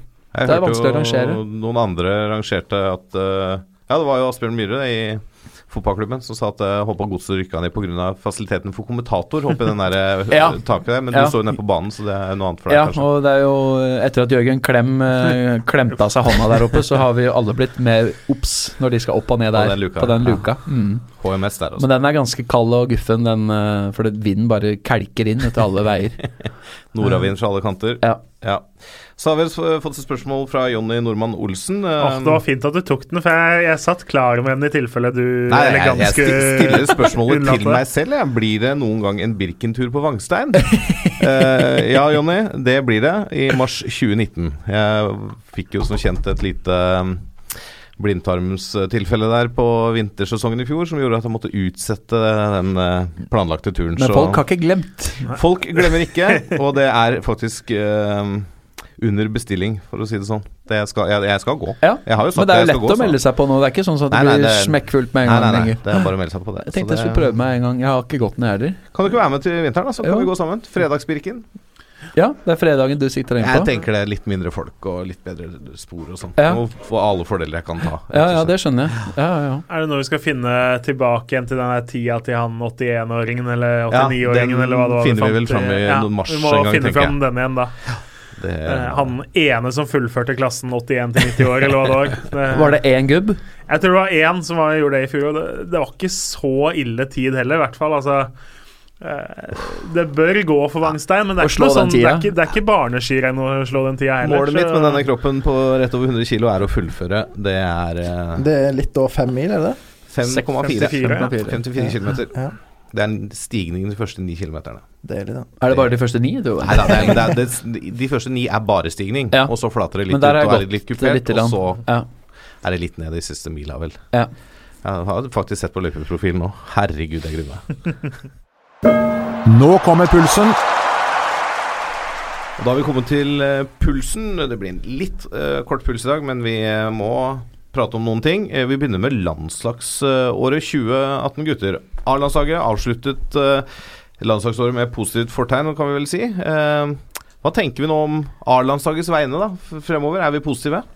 Det er vanskelig å ikke være positiv når de har sanka flest poeng eh, siden 1929, er det vel. Eh, så i snitt. Så det er jo eh, ekstremt sterkt det Lagerbäck har fått til på relativt kort tid. Nå er jo laget veldig solid, presterer stabilt godt i hver match. Så jeg er veldig positiv. Og har stor tro på at Norge kan komme til, til mesterskap igjen. Og så er det noen potensielle nøkkelspillere der eh, i bakhånd som har meldt forfall av diverse grunner de siste kampene òg. Ja, absolutt. Det det er jo godt å se at eh, en mann som Ola Kamara eh, fortsetter å skåre mål, eh, mens eh, Joshua King er ute med skade. Og så eh, venter jeg jo ennå på at eh, Alexander Sørloth eh, skal, skal slå gjennom for alvor. Det er en mann som jeg har uh, veldig stor tro på. En, en uh, spiss som jeg føler har alle forutsetninger for å bli en uh, klasseangriper på, på det aller øverste nivå. Jeg tror han er god for 15-20 mål i Premier League jeg, innen noen få sesonger. Så han må bare eh, få et par skåringer nå, eh, få godfølelsen. Da, da kan han bli en maskin eh, etter hvert. Og så er det så deilig, altså Hvis du ser på alderen på de som spiller, da, så er jo med unntak av Jarstein eh, så er jo nesten alle på en måte 25-26 eller yngre. Mm. Vi, det er ikke noe sånn at vi mister hele gjengen om to års tid. Vi har med oss eh, nesten alle i to-tre kvaliker til. Mm. Eh, King er 26, Ayer er jo, har jo ikke lov eh, til å kjøpe noe mer enn eh, sprudlevann eh, på polet. Eh, Rostet, Selnes, Berge osv. Altså, Moi. Du, du har en gjeng som vi kan ha glede av i 7, 8, 9, 10 år til. Da. Og Mm. Det er jo det ekstra kule kanskje ved det her. Det bekymringsfulle for min del er eh, forsvarsspillet mot veldig god motstand. Ja, helt enig. Eh, bekkene er bra på de, det nivået vi har sett nå, og, og veldig gode offensivt. Jeg har veldig sansen på både Svensson og Omar og Meling og, og Haitam. Men defensivt mot god motstand, trøblete. Men det er på midtstopperplass jeg er mest bekymra. Ayer har jo tatt helt utrolige steg, heldigvis. Men hvem skal være partner? Jeg, ser ikke noe belgisk fotball, men Rostedt har jo fått mye skryt i Gent. Men, og er en type som også har masse spennende i seg. Men han, tenk stegene han har tatt på så kort tid. Det, det skal litt til for at han klarer å etablere seg mot A- og, og B-nasjonene, egentlig. Eh, og jeg, er- jeg syns ikke at uh, det holder med Nordtveit, rett og slett. Um, jeg forstår hvorfor Lagerbäck har sansen for den, på mange måter. Men, eh, men han er ikke eh, i sitt ess på stoppeplass. Og Tore Regg er litt gammel. Og legger vel opp etter neste sesong. Ja, og så er det Hovland, Forren, Valsvik, eh, Sem Berge Som en gjeng bak der som har vist noen ganger at det kanskje går for fort da, på, på en måte på det nivået, da. Sem Berge tror jeg er fullstendig ferdig. Ja. Men, men jeg er enig med deg. Hov, nei, Nordtveit han, han viser jo av og til, sånn som med pasningen i forkant av, eh, av 1-0-skåringen nå sist til Mm. Omar, som Omar header videre til Kamara, at uh, han har jo kvaliteter, selvfølgelig. Ja, sant.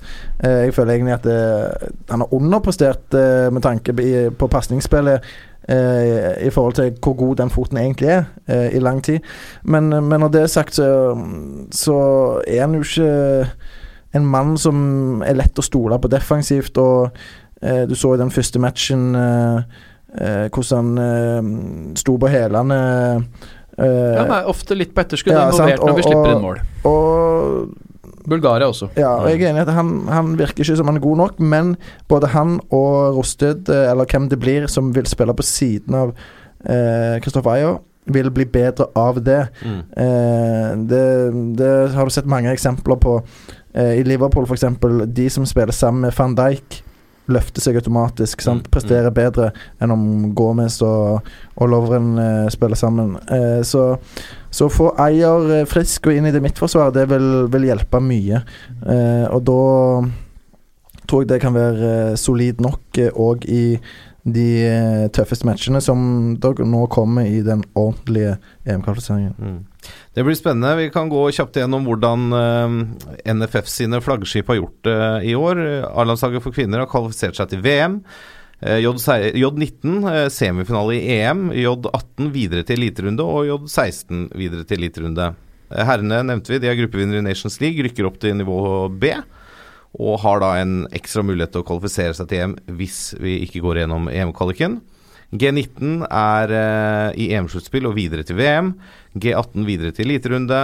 G17 kvartfinale i EM og G16 videre til eliterunde. Det gror jo godt bak A-landslaget nå. Ja, altså nå er vi jo inne i en veldig god periode der eh, NFF-skolen, eh, denne landslagsskolen som på en måte er er navnet på eh, planen og, og modellen som, som det jobbes ut fra, den eh, har båret frukter, eh, ser det ut som. Og eh, eh, ting kan selvfølgelig være litt tilfeldig. Det går i rykk og napp. Eh, du er prisgitt eh, hva spillere du har på de ulike eh, landslagene, men nå ser det veldig bra ut, og, og det er jo veldig gledelig og, og positivt at eh, våre beste unge spillere òg får matching eh, på det høyeste nivået. Og med to og en halv journalister i rommet her, eh, Jørgen, du har jo vært der før i hvert fall. To og en halv er fint, det. To og Ja. en kvart eller noe. To og en kvart. Så må vi jo også skryte av eh, NFF. Eh, De har jo helt klart gjort grep også på eh, åpenhetssiden, kommunikasjonssiden. Det har blitt mye bedre måten NFF fremstår på i media nå, og det merker vel dere som journalister òg, at eh, det er en helt annen, eh, helt annen måte å snakke på både til og om folk. Enig i det. Ja, altså de eh, har vært bevisste på at eh, de vil framstå på en annen måte, og, og det er jo bare til å applaudere og, og eh, håpe at det fortsetter, og, og at uh, de bidrar på, på en positiv måte framover. De har jo blant annet uh, utjevna forskjellene mellom herre- og damelandslaget ved at eh, spillerne på, på herrelaget har gitt eh, eh, en god del penger over til damene og sånn som har spilt inn, og, og det, det er veldig bra at de tar et ansvar. Så får de vanligvis mye kritikk for alt fra kampoppsett til til trekninger der det er beskyldninger om varme baller og, og det ene og det andre. Så de fortjener ros nå, og det er fortjent. Og så skal vi da hoppe glatt videre til noen som kanskje ikke alltid har fremstått sånn som man regner med at et flaggskip skal fremstå. Vi skal til Trondheim en tur, Rosenborg. De sparka altså Kåre Ingebrigtsen i sommer. Rini Kulen kom inn og tok jobben midlertidig. Og så det, ble det meldt for en stund tilbake, det var i forbindelse med Europacup, at uh, innen 1.12. skulle en ny trener være på plass. I dag kommer da egentlig en kontrabeskjed om at det er ikke sikkert ny trener er på plass, og da sier eh, Koteng, styrelederen, at eh, men vi har jo en trener, så det er ikke noe fare. Og det, jeg stusser litt da på at eh, han har jo egentlig sittet på oppsigelse fordi at de har sagt de skal ha en ny trener på plass. Men, Men nå- han har vært en av de høyaktuelle kandidatene, da. Ja, ok, ja. Ja, Men, men- uh, men- ser det litt rotete ut? Det ser veldig rotete ut, og vi vet jo ikke 100% hva som har skjedd i kulissene her. Det kan være at de så å si hadde en mann klar idet de sparka Kåre Ingebrigtsen, eh, som ikke endte med en ansettelse. Det kan være, eh, men nå virker det veldig klønete, dårlig håndtert. Ja, altså, Ja, de, jeg- de gikk ut i sommer og sa at de skulle ha noe klart innen 1.12., og at Kulen var en av 10-12 navn på blokka. Og så har eh, Koteng vært ganske åpen på at de har snevra inn og vært nede i tre kandidater, hvor Kulen fortsatt har vært blant dem. Eh, I starten gikk det jo veldig bra. De eh, vant jo veldig mange kamper, briljerte ikke. Det var noen små grep Mike Jensen, snudde tieren litt sånn, som så tidvis litt positivt ut. Og så har det bare blitt dårligere og dårligere egentlig i høst. De løfta seg til den brannkampen og sikra gullet, og så Men han har ikke gjort kanskje nok for å overbevise Koteng. og Tanken med å sparke Kåre var jo at de skulle få inn en kapasitet som virkelig skulle løfte dem. Og det har jo ikke skjedd. Så, og selv om det har vært tett kampprogram og kanskje han ikke får satt sitt preg på laget og det har vært mye skader og sånn, så har han ikke bevist nok. Han er i mine øyne en veldig hyggelig fyr, men kanskje litt for eh, A4, litt for grå til å være trener i et topplag som Rosenborg. Og har ikke den galskapen, fandenivoldskheten, som skal til for å kunne overta og løfte Rosenborg i, i Kotings øyne. Nei, for i en sånn spillergruppe med så mange store navn, eh, så mange typer som har vært ute i Europa og opplevd ting som f.eks. Søderlund, så må du ha en ekstremt sterk leder som har eh, en naturlig autoritet for at eh, gutta boys skal tro på deg og kjøpe ideene dine og, og eh, akseptere begrunnelsene for hvorfor de blir benka, f.eks. Mm. Eh, og det, den standingen føler jeg ikke Kulen har nå, selv om han sikkert er en godt likt type. Eh, for han virker jo som en veldig trivelig fyr. Eh, men det uttalte eh, argumentet for å sparke Kåre Ingebrigtsen etter å ha vunnet tre strake seriemesterskap, to cupgull og tatt eh, Rosenborg inn i Europa League, var at de ikke så utvikling. Mm. Og hvor er den utviklingen i det snaue halvåret som har gått siden den gang? Det er jo ikke i nærheten av I hvert fall hvis du ser på Europa. De er, Ja, det virker jo jo for- langt den unna. Den pinligste høsten Rosenborg har hatt, hvis du tenker på nivå og motstand, resultater og, og, og forestillinger. Okay, Med det hele tatt? Så de har jo i hvert fall ikke fått noen utvikling. eh, De har jo heller tatt, vil jeg påstå, minst ett, sikkert to, kanskje tre steg tilbake Mm. eh, fra Ingebrigtsen-æraen. Um, ting vil alltid variere. Eh, selv om du har en eh, fantastisk dyktig trener og et eh, eh, godt eh, spillermateriell. eh, etter så mye suksess så vil du alltid få noen sånne formdypper. Men Rosenborg hadde hengt på eh, serietittelen. Selvfølgelig var de enige med i cupen på det stadiet. Og de eh, hadde muligheter i Europa. Så for meg så er det like uforståelig nå som da at de sparka Ingebrigtsen. Og eh, Koteng hadde gått og gnissa tenner i halvannet år og var drita lei. Ja, sant, det er jo Men det er jo en helt, men det er jo en helt annen greie, da. Det er jo en helt annen greie igjen, sant? Ja, ja, men det, det var jo en avgjørelse tatt over lang tids Ja. på en måte stagnering og, og fallende antall skåringer, mindre attraktiv angrepsspill, Mm. ikke de stegene de ønsket i Europa. For de var jo sjanseløse i Zenit og Sociedad og sånn i fjor også. Mm. Um, og at Kåre innrømmer sjøl at etter i fjor var han dønn sliten, og det var ikke langt unna at han ga seg. Og så, og så flørta han jo veldig med Malmö. Yes, og som det på en måte ble en sånn ja, ekstra torn i ja, øyet. Det ble nok utslagsgivende, sant? Og uh, Men jeg syns det er for tidlig å si at det er dårlig håndtert, for det er ikke 1.12. enda. Det Nei. kan komme en ansettelse i løpet av de neste ti dagene, for alt vi vet. Eh, Alternativt til du sier ja, nei, vi trenger litt mer tid. Ok, det er sånn som skjer Ja. av og til. Um, men det kommer helt an på hvem de da ender opp med. Er det da 9., 10., 12. valget sitt? Fått masse nei fra store navn. Når det har vært navn liksom fra øverste sjikt i Nederland som har vært nevnt, så er jo det ganske heftig, med enten det er Bosch eller De Boer eller hvem det skulle være. Eh, men det sitter jo en fyr i Molde da som bare har halvt års kontrakt igjen, og ikke vel, har eh, eh, signert ny. Ble vel meldt nylig nå at det er i gang med noen forhandlinger. Ja da, men det er kommet seint i gang, og Ja. til syvende og sist er det jo Solskjær som blir enig med Røkke og Gjelsten om hvordan dette skal se ut. Ja, ja. Um, og han har jo sagt at hvis jeg ikke forlenger, så går jeg nå. ja. Uh, og, for han har jo sommerkontrakt, han, uh, i et sånn internasjonalt uh, Med et bilde på det internasjonale, tipper jeg. Og Det jo- ikke Det er jo en sjokkerende overgang. Ja, det har vært helt fantastisk, da. ja, det hadde vært vilt. Det hadde vært vilt. Det da- Komme men- tilbake til Molde Ja, der. sant? Men da, da gjør jo Solskjær seg uspiselig for uh, alle som er glad i Molde resten av livet, egentlig. Sant? Han- Ja, da Husk at han er Kristiansund-gutt, da. Ja, ja, selvfølgelig. Da må han holde seg i Kristiansund Ja, ja. og, og kan aldri gå på en Molde-match igjen, egentlig. Så det vil jo være Du må ikke nevne sykehusstriden for Solskjær. Nei, nei, sant. Der er han- Kristiansund-patriot. Ja, ja, sant. Men, uh, men det vil jo selvfølgelig sette fyr på ting.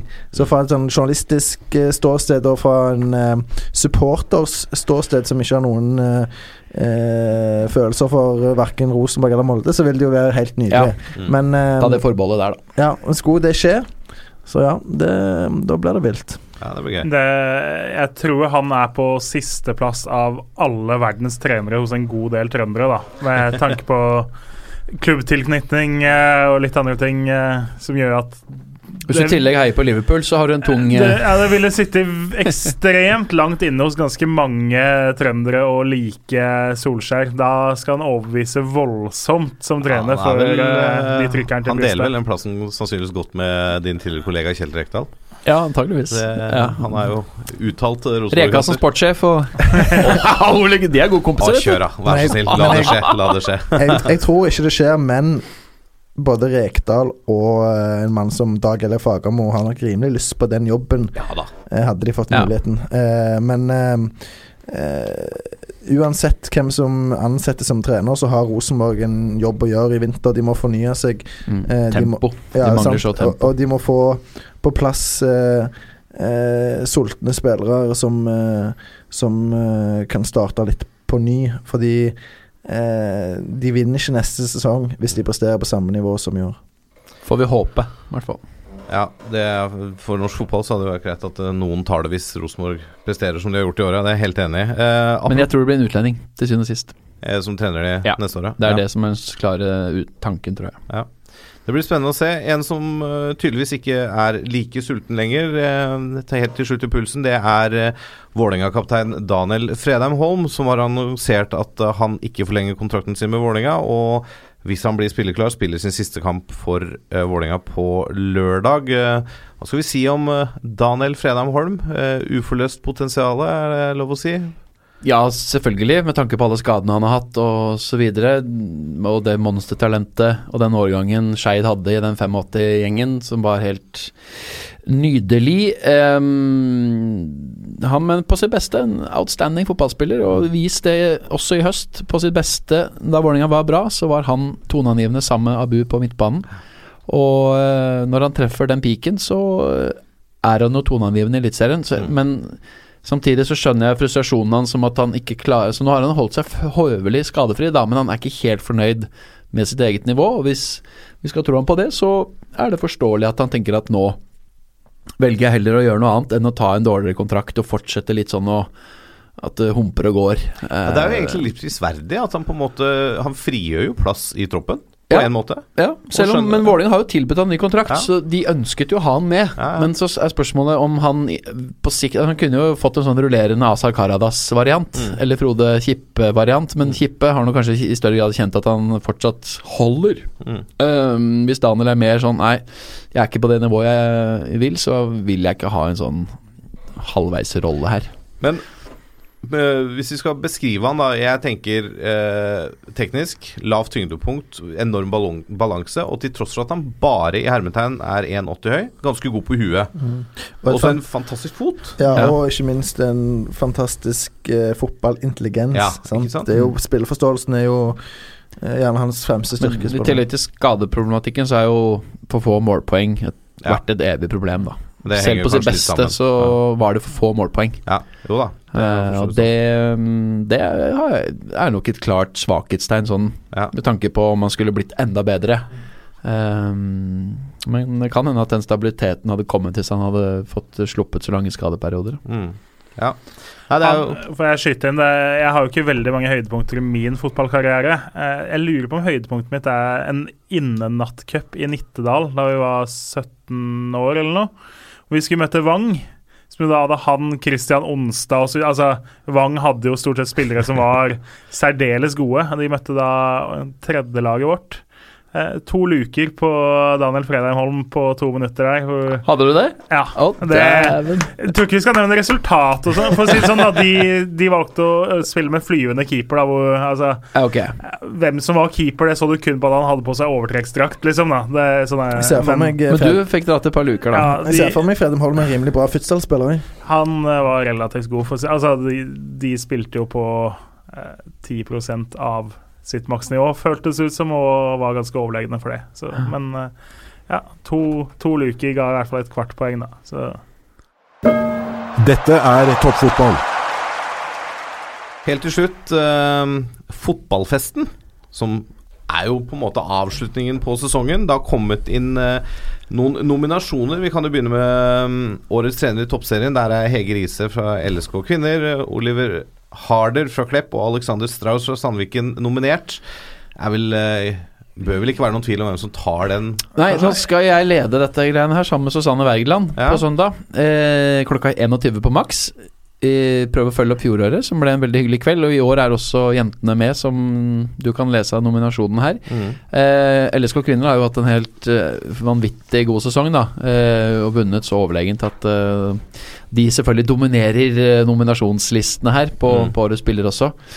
Um, og i tillegg så har jo Guro Reiten hatt et vanvittig mål, som mange husker, nesten fra midtbanen på Intility. Mm. Så det, det kan bli storeslem for eh, LSK kvinner. Vi får se hva juryen kommer fram til på søndag. Jeg er Det er jo spent, på det sjøl. ja, vanskelig å komme utenom Riise, men det er klart at det er Harder som har tatt Klepp til medalje, og altså de har tatt svære steg under han, og Strauss som da avslutter så bra med Sandviken før han går over i Mm. NFF-jobb. da. Det, ut fra det jeg har sett, så er det tre ganske naturlige nominasjoner eh, der, i hvert fall. Helt Mm. riktig. Og det, du, det med å prestere ut fra forutsetninger er jo veldig viktig. For LSK er selvfølgelig eh, det laget med størst ressurser eh, i toppserien. Avaldsnes har jo også hatt eh, bra tilgang, i hvert fall hatt. Men mens på herresida, hvis du ser på hvem som er nominert der, så er det jo Svein Målen, Eirik Horneland og Christian Mikkelsen. Ingen av topp tre-laga. Nei, og det er vel også da litt med dette med forutsetninger og på en måte Altså, Målen må jo være med. Altså, han tar jo Ranheim sjokkerende høyt. Eh, Mikkelsen utvikler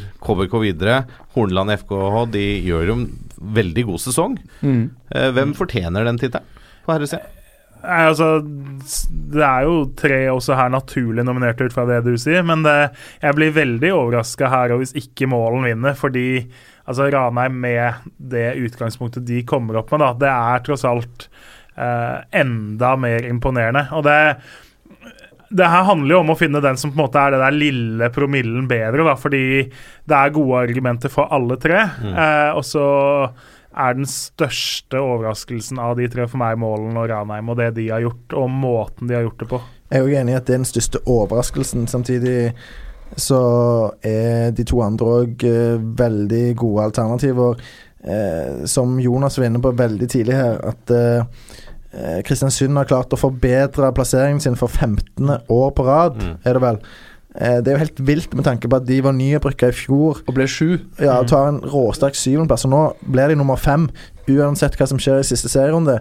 Eh, Helt med- ubegripelig. ja, med eh, Hva skal jeg si Den eh, litt lite attraktive plassen de holder til eh, med begrensa ressurser, så sier det mye om hva jobb Mikkelsen har gjort sammen med de spillerne. Og I tillegg så har Horneland klart å skape et eh, bunnsolid eh, maskineri på Haugalandet, så uansett hvem som vinner her, så mener jeg at eh, det er fortjent, men Uh, eh, Jeg vet ikke hva oddsen er, for det går vel sikkert an å sette er penger på det. Jørgen, men, eh, Ja, Målen er veldig klar favoritt med Mikkelsen som nummer to og Hornland et godt stykke bak av de okay. som har satt odds. Ja. men, men de som har satt odds på en måte her, er det jo Det er jo en jury. Eh, så Der vil det selvfølgelig være eh, personlige preferanser som, Ja, som spiller inn. det er vel det fem, vanskelig. Hvor mange er det? Fem-seks i juryen, var det ikke det? Noe sånt, ja. Ja, så Ja, det er jo Svea i VG, så er det vel Fredheim i uh, er det Discovery. fra NFF. Ja. Ja. eh, Så litt, litt sånn forskjellig sammensatt. Uh, men ja, det er en kategori det virkelig er helt åpent i. Burde duoen Kulen og Ingebrigtsen vært på den nominasjons... Ja, hvem av altså dem? Hvis man skal snakke om noen som mangler, da, så er det jo Lars Arne Nilsen som er på en måte Ja. den som sannsynligvis er nummer fire på den lista her. da Ja. Det er Eh, nok riktig. Han var den som var tettest på å komme med, så vidt jeg har skjønt på signalene fra, fra juryen. For juryen er jo aldri helt enig i hvem som skal nomineres heller, Nei, nei. Men på, på årets spiller i Eliteserien eh, André Hansen, Rosenborg-keeperen, eh, Birger Meling og da Eirik Hestad i Molde. Mm. Eh, Er det noen vi savner der? ja, jeg tenker altså, Altså, Fra, Frank Boli. Mm. Han blir toppskårer Ja. i Eliteserien for et lag som kanskje, eller sannsynlig, rykker ned. Mm. Nå Han var har han veldig svak fram til sommeren. Nettopp. Han har skåra 97 av måla sine i høst. etter juli, ja. ja, ja Og det kan hende at det ikke er nok til å redde Stabæk fra nedrykk. Ikke Ja. sant? Jeg la ut en melding om denne nominasjonen på Twitter. Da fikk jeg et innspill som jeg er egentlig enig i, som, som fint kunne vært blant de tre her, og det er Zakariassen i Sarpsborg. Uh, han har hatt en kjempesesong igjen, han òg, så han, Ja, eh, han men her er hovedvekten her legges jo på eliteseriespill. Ja, inntrykket mitt også er at det er Ja. først og fremst uh, At han har- at han har- Europa hvor Ja, han har virkelig stått frem i år, da, målt mot Det er så vanskelig å bli årets spiller når du taper åtte kamper på rad. Ja, Ja, det er noe med det òg. Um, men selvfølgelig, han var jo uh, veldig god i fjor og, vært, og klarte å Mm. gjenskape det i år, som er kjempebra, og også tatt et, vist at han hører hjemme på den internasjonale scenen. Men uh, hvis jeg ikke husker feil, så var vel André Hansen nominert i fjor òg. Da var det Tore Ginesen som vant. Eh, Forsvarsspillerne og keeperne som går inn Ja, hos Rosenborg. Jeg tror Hansen var nominert, i hvert fall. Hvis ikke, så, så burde han vært det. Eh, men det blir spennende å se her òg. tre gode kandidater. Eh, eh, Hestad Vito Wormgård var nok også tett på, men har jo, Ja. han har jo Litt, eh, mye rufsete mer shake i Ja, høst. ja. Og han er kanskje den som har blitt lidd mest under at heltene Nilsen er borte. Men jeg savner jo en spiller i Obos-ligaen, da. Nevnte Tommy Høiland. 21 mål, toppscorer. Ja, Han er ikke nominert her. Istedenfor så tipper jeg juryen har eh, tenkt at ok, her går vi for Jonny Furdal fra Viking. To fra Viking ble gjerne for mye, har de tenkt. Og så har de kjørt uh, Frid Jonsson, eh, som skårte 19 mål for Ålesund, uh, i stedet for Høiland, i sannsynligvis. Mm. Uh, så jeg mener jo at Tommy definitivt burde vært med, Mm. i kraft av at han nærmest sendte Viking opp til Eliteserien alene. Eh, spesielt de siste alene, kampene. Nei, Ja, ikke, ikke helt alene, men de, de, de Ja. siste kampene skåret han noen veldig veldig viktige Mm. mål. Uansett, jeg gleder meg kjempe til eh, å feire. Det var en kjempekul fest og sånn i fjor. Da var det jo Else Kåss blant annet som var programleder, så det blir litt annen stil på det i år. Men eh, får vi Eller kanskje. Vi får se. Ja, du Men har jo det- uttalt at du er skamløs, så vi får jo se. Eh, ja, men jeg har folk som holder meg i tøylene Ja, det er det, så vi får se. Så er det jobb, litt du, er ikke bare leid inn. Det er ikke så lett å være eh, vi, Susanne og jeg er jo ikke humorister. Nei. Så vi, inngangsporten her er jo at vi på en måte skal gjøre dette høvelig nøkternt, da. Koselig og fint. Ja. Hvor lenge- ser vi fotball i fokus, ikke så mye annen dilldall. Hvor lenge var det? Halvannen time. Ni til halv elleve på søndag kveld. På maks der, altså. Ja, det tåler man. Det Det, tåler det man. tåler man. Runda sesongen. Jonas eh, Berg Johnsen, du må løpe. Ja. Det har vært uh, fantastisk hyggelig å, ha deg i studio. Tusen takk for Vi besøket. Skal eh, gå kjempekult. videre og snakke litt om det som skjer i helgen. Ja. Blant annet så skal vi litt innom bredden. Men uh, takk for at du kom. Uh, og når den tid kommer, god ferie. Jo, takk skal du ha. Og så skal jeg på Nadderud først. Det blir, gleder jeg meg skikkelig til. Det blir utrolig spennende. Og så er det fotballfest, og så er det ferie. Så det blir bra. Kos deg. Ha det godt. Ha det. Ha det. Dette er toppfotball. Da har vi takket av dagens gjest, eh, og da går vi rett eh, på Breddenytt ved Jørgen Kjernås. Og Ja. da spør jeg, har du noen kuriositeter i etterkant av årets sesong? Ja, det, har, vi har, det er to punkter. da Det ene er litt treneroverganger. Eh, og så er det litt hvem som har vært de beste i år. Eh, det skjer jo mye på overgangsmarkedet allerede, men på trenerfronten har det skjedd veldig mye, hvis det går an å si det sånn så langt. Eh, Jan Derek Sørensen har jo tatt over Bærum. Ja. Eh, Det er jo en spennende over, eh, ansettelse. Han har jo lite erfaring på A-lagsnivå eh, så langt. Trent litt juniorlag og trent nede i divisjonen og sånn, så får prøve seg da høyt oppe. Han erstatter Luke Torjussen, som nå for ti minutter siden skrev under for Hønefoss. Oh, ja. Eh, som for mitt Hønefoss-hjerte gjør at eh, man er litt letta, for det tror jeg er en god ansettelse. Eh, et navn jeg hadde på min ønskeliste for uh, klubben, så eh, veldig spent på hvordan det skal gå, og, men veldig positiv til valget. Ja. Ellers har jo Bent Inge Johnsen gått fra Gjelleråsen, han tar over Lyn, Mm. som jo også var en attraktiv jobb for mange, og hvor de har lett brett eh, blant mange kandidater. Er vi litt overraska over at Lyn velger han og ingen andre, noen andre? Ja, han, har, øh, han gjorde en god jobb da han trente Eidsvoll-turen og har gjort en bra jobb med Gjelleråsen øh, nå. Så eh, de har istedenfor å måte se høyt oppe i divisjonen eller se på spillere som legger opp og vil bli trenere, så har de sett eh, på en som nå har vist på det nivået de er, at han skaper veldig gode resultater. Både med et lag som har venta å være toppen, og et lag som slår litt underfra. Ja. Eh, og så har bl.a. Lokomotiv uh, Oslo har mista sin trener for andre år på rad til en avdelingskollega. De slo Ullern 6-1 i siste match, uh, men mister da trener Didrik Bjella til Ullern. Ja. Fordi i Ullern så går Ole Johan Aas over til Lyns damelag. Så litt sånn rullering på Oslo sentrum, Oslo vest der. Eh, oppe i nord så har jo Eline Torneus Hun var jo en av to kvinnelige trenere i tredjedivisjon i år. Hun har valgt å takke for seg i Skjervøy.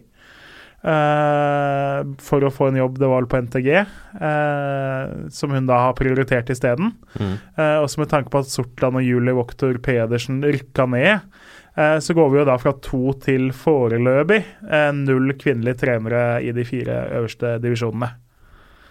Så det, eh, og ellers så det skjer jo mye på trenerfronten rundt om, og eh, vi kommer til å ha mye å snakke om. sånn, vi kan jo ikke ta alt av overganger i Breddenytt eh, utover, for det eh, skjer veldig mye. Men det mest interessante må vi jo prøve å ta et blikk på gjennom vinteren. Nå glemmer jeg alltid om andredivisjon per definisjon er bredde. Men, Det er eh, toppfotball. Er Per definisjon, men det ja. Men vi kan jo ta det likevel. Eh, Moss har én spiller på kontrakt. Er det noe nytt der? Har du noen flere Ja, nå har signert? jo, ja, De har jo signert da Follo-trener Marko Jovic, Mm. eh, som sies å ha gjort et godt inntrykk når han har møtt spillerne og hatt spillemøter. Eh, og det er jo veldig sånn både for dem og for Hønefoss, som jeg jo og kjenner, at mange har sittet på gjerdet av spillere fram til de ser klubbens satsing, hvem som blir trener, om de Mm. liker han eller ikke. Eh, og så tror jeg både Moss og Hønefoss da har gjort gode valg, som gjør at en del av spillerne vil velge å bli, da. Eh, det er mitt inntrykk. Spennende. Det blir jo sikkert spennende i bredden også utover vinteren, vil jeg tro. Ja da. eh, og så har vi jo én sak til, og det Jeg har jo prøvd å følge litt med på lagene som har gjort det best i år. Ja. Eh, og det har jo, men til gjengjeld så Hvis man faller ut, så har i hvert fall Kvikks Twitter-konto sørga for å oppdatere, fordi eh, vi har tre lag i norsk fotball eh, på seniornivå for herrer som har gått ubeseira gjennom eh, årets eh, sesong. Og Da gjelder det samtlige seriekamper i tillegg til kretsmesterskap. da. ja. Eh, det var en fem-seks lag som gjorde det samme i serien, men som ikke klarte å gjenskape det når de møtte andre avdelingsvinnere. Eh, så tenkte vi kan jo gi de tre heder og ære. Det er Kvikk 2, ja. sjette divisjon i uh, Trøndelag, hvor de Uh, har gått gjennom uh, med en sterk målforskjell på 97-19 på 16 matcher. Vunnet samtlige 16 og vinner med 13 poeng ned. Ja.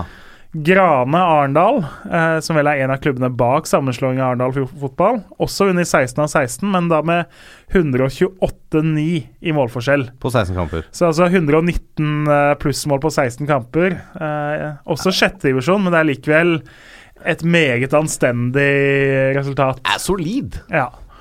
Tredjelaget er uh, åttendedivisjon uh, Akershus. Da er vi på Sørumsand 2, som eh, klokker inn med 115-25. Men da på 18 kamper, men likevel pluss 90 i målforskjell og full pott. Det, det er tre meget eh, imponerende prestasjoner. Ja, de er ikke om- avgitt poeng, noen av de. Nei, ingen av de, og de vant da i kretsmesterskapene, sånn at de ble kretsmestere ubeseira også. Og det, eh, det er jo samme som for landslaget. Noen hevder at ja, men vi møter jo bare Kypros osv. Og, dette er bare annen eller, eh, åttende eller sjette divisjon. Men du må nå en gang Du kan ikke gjøre mer enn å vinne samtlige kamper, da. Og når du gjør det og vinner liksom i gjennomsnitt med sju-åtte mål, så ja, hatten av for de tre. Er veldig bra. Helt til slutt skal vi selvfølgelig minne om avstemningen av årets Dang. Den legger vi ut på Twitter eh, torsdag. Sannsynligvis når dere hører dette. Kandidatene kan vi jo ta kjapt. Det er Henrik Udal, 26 mål for Fana i tredje divisjon. Vital Kurtis Kaba, 24 mål for Frigg i tredje divisjon. Kristoffer Hoven, 19 mål for Hønefoss. I andre divisjon er jo det, da. Og Håken Munthe Kaas, 36 mål for Fagerborg i fjerde divisjon. Det er kandidatene. Fra torsdag så kan dere stemme på Toppfotball sin Twitter-konto. Dette er toppfotball.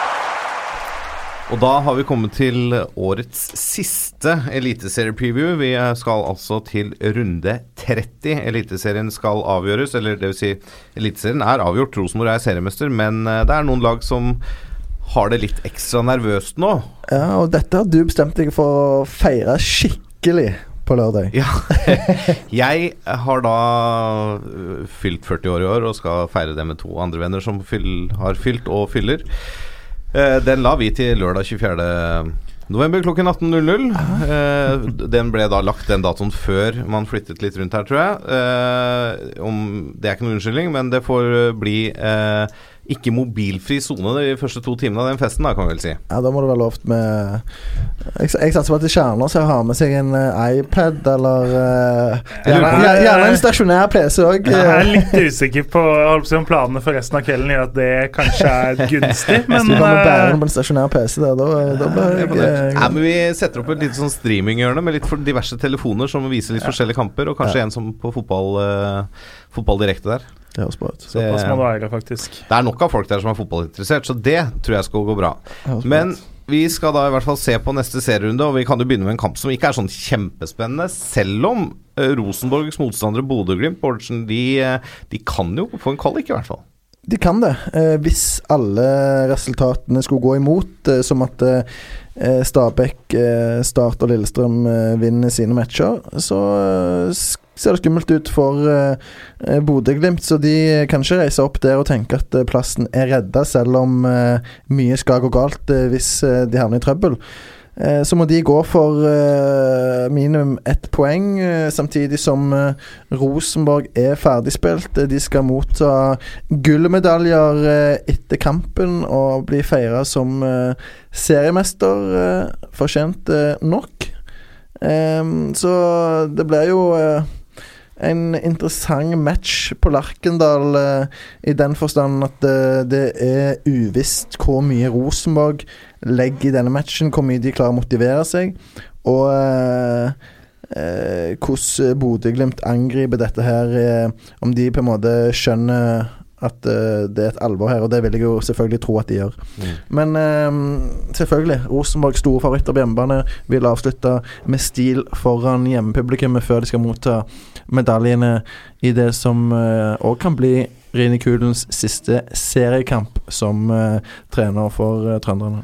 Det ligger vel an til litt bytte på Rosenborg. Altså, Østbø har jo kommet inn to kamper på rad nå for å få gullet. Jeg tipper sånne spillere som han og Mathias Williamson, som har spilt lite, da. Kanskje Botheim uh, At Jeg blir overraska om det er et toppa Rosenborg-lag vi ser fra start i den matchen. Ja, det er i hvert fall noen der som kanskje får spilletid for å sikre seg den tredje kampen som de trenger. Det er jo helt sykt. Så Østbø kommer jo på banen, men jeg tror fort han kan få en sjanse fra start. Ja, men så har det vært landslagspause nå. En del av de eh, Rosenborg-spillerne har eh, gjerne hatt noen dager fri og funnet litt overskudd, så det kan godt være at vi ser et Rosenborg-lag som det gnistrer av her, med Søderlund som banker inn eh, to-tre mål, og, og dermed runde ti skåringer i, i Eliteserien, og gjerne en Bentner som eh, som uh, avslutter med stil, så um, det kan bli moro på Lerkendal. Så mangler vel Glimt, mangler vel Sinkernagel, uh, er vel ute for sesongen. Og det Han er jo frisk og kreativ, så de mangler én dimensjon offensivt, i hvert fall, med han ute. Ja, Det blir spennende å se åssen det går. Jeg tror vel eh, personlig at Bodø-Glimt eh, klarer seg selv om det skulle bli tap på Lerkendal, men eh, det er jo det er jo fortsatt et eh, håp for de andre lagene at de kan eh, gå på en ordentlig smell. Eh, vi skal snakke litt om den fantastisk spennende kampen som spilles i Oslo på lørdag. Det er altså kampen om sjetteplassen vi snakker om. Vålerenga eh, nå på åttendeplass tar imot sjetteplasserte Ranheim. Om Odd skulle tape borte mot Brann og Vålerenga vinner denne kampen, vil de da altså passere både Odd og Ranheim på tabellen og havne på plassen som var årets målsetning Ja. for Ronny Deila, sjetteplassen. Ranheim kan ikke klatre på tabellen ved seier. Den femteplassen er Kristiansund sin. Eh, kan vel si at begge lag har vist litt dalende formkurve eh, mot slutten av sesongen. Ranheim har to tap på rad nå. og Vålerenga har ikke vunnet på sine fem siste, men har spilt uavgjort i sine to siste. Eh, det er ingen karantener på noen av lagene, men Jonathan Tollos Nation ble bytta ut i pausen mot Glimt sist. Det er vel kanskje litt usikkerhet rundt han. Og det samme gjelder jo Daniel Fredheim Holm, som vi nevnte i stad. Han har annonsert at han gir seg, og han trente ikke med laget på tirsdag. Det er bare andre gangen disse lagene møtes i historien. Eh, Det var da selvfølgelig omvendt oppgjør i årets eliteserie. Da ble det 2-2 på Eller i Ranheimsfjæra, heter det vel. Jeg tror dette blir en eh, sånn klassisk åpen, vanskelig kamp å spå. Eh, Jeg er spent på hvordan lagene egentlig angriper kampen. Mm, det har mye motivasjon å gjøre her.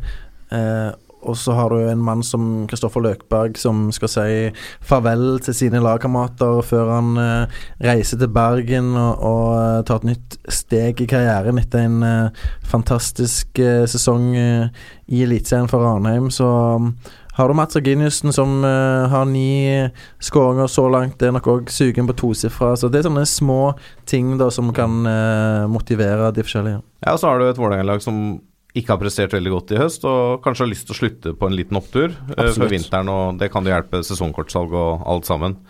Men det er jo egentlig lite å spille om. eh, men uansett hvordan dette går Men det er litt penger å spille om, disse tabellplasseringene. Hvis, eh, hvis spillerne bryr seg om det, så kan jo det òg spille inn. Jeg, Ja. jeg tipper iallfall det er en del klubbledere som tenker på det. Ja, så er det kanskje de lederne som må ned og kjøre peptalken før Legge noen bonuser der også. Men uansett hvordan dette går, så har jo Ranheim selvfølgelig levert en sesong milevis over forventningene. Og Vålerenga har vel igjen uansett resultat underprestert, eller i hvert fall levert under det de fleste forventer av hovedstadsklubben. Ranheim har jo vist seg som tidvis vanskelig å slå, og har jo, du nevner Reginussen, de har offensiv slagkraft mm. og et samspill som uh, Vålerenga-forsvaret bør og må være oppmerksom på. Definitivt. Det er ikke, det er ikke noe walk in the park for Vålerenga. Vi går videre, Kjernås, og skal til eh, nok en ganske ubetydelig kamp, kan vi si det. Tromsø tar imot Sarpsborg 08. Vi kan i høyeste grad si det. Jeg synes jo Hvis vi sa at Vålerenga-Ranheim var på en måte den eh, kampen som hadde minst på spill, så er jo dette jeg synes, altså Dette er kanskje en kamp som overgår det, nesten. da Eh, Men det er to lag som har ekstremt skuffende høstsesonger bak seg i Eliteserien. Eller se, siste halvdeler, da. Hvor uh, Sarpsborg har prioritert Europa, og Tromsø har gått nesten fra tap til tap. Uh, og her og det står jo ganske lite på spill. Eh, Tromsø kan klatre fra sin tiendeplass og opp på åttendeplass, eller de eh, kan bli ni eller ti. Men og eh, Sarpsborg er litt i samme situasjon, på plassen over. Eh, kan, hvis det klaffer, klatre opp på en uh, syvendeplass eller falle ned til tiende. Uh, Eliteseriesesongen for dem har på en måte vært litt over ganske lenge uansett. Og når de da har Europaliga fire dager seinere, eh, så kan det ende litt sånn som det gjorde i Tromsø i fjor. Eh, da hadde de jo en cupsemi mot Vålerenga et par dager seinere, som gjorde at de stilte ekstremt B-prega og tapte 0-5 for Tromsø, som da virkelig trengte poengene. Eh, jeg blir overraska hvis ikke det igjen er et ganske B-prega Sarpsborg. Men så uh, Fordi at Europaligaen betyr alt, og den kampen her betyr veldig litt for dem. Eh, spørsmålet for dem er jo at altså, noen spillere trenger den kamptida for å være klar til kamp på torsdag. Ja, for nå har det vært to uker pause ikke sant? pause, ikke sant? Eh, noen trenger kanskje 60 minutter, noen har kanskje best av hvile. Så eh, man kommer til å ta ut et lag ut fra hva som gjør at man stiller best mulig på torsdagen i Europa. Mm. Og eh, sånn som forutsetningene er for den kampen her, så tror jeg det blir ganske målrikt. Og at ingen av lagene kommer til å gråte uansett om si, de taper stygt eller, eller ei. Det Det går litt på personlighet, kanskje, men Det gjør jo selvsagt det er samme med Vålerenga og Ranheim og den Mm. her, at eh, man går jo ikke utpå for å tape, men det er veldig vanskelig å yte 100% istedenfor 98 eh, når du faktisk ikke har all verden å spille for, og sesongen har vært lang. Et annet lag som bare har æren å spille for, og det er Sandefjord. De har rykka ned. De tar imot Molde, som kanskje må ha med seg noe fra Sandefjord for å ta den sølvmedaljen de nå ligger an til å ta.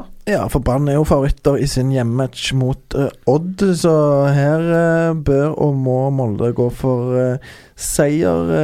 Sandefjord seks uavgjort, to seire og ett tap på sine siste ni.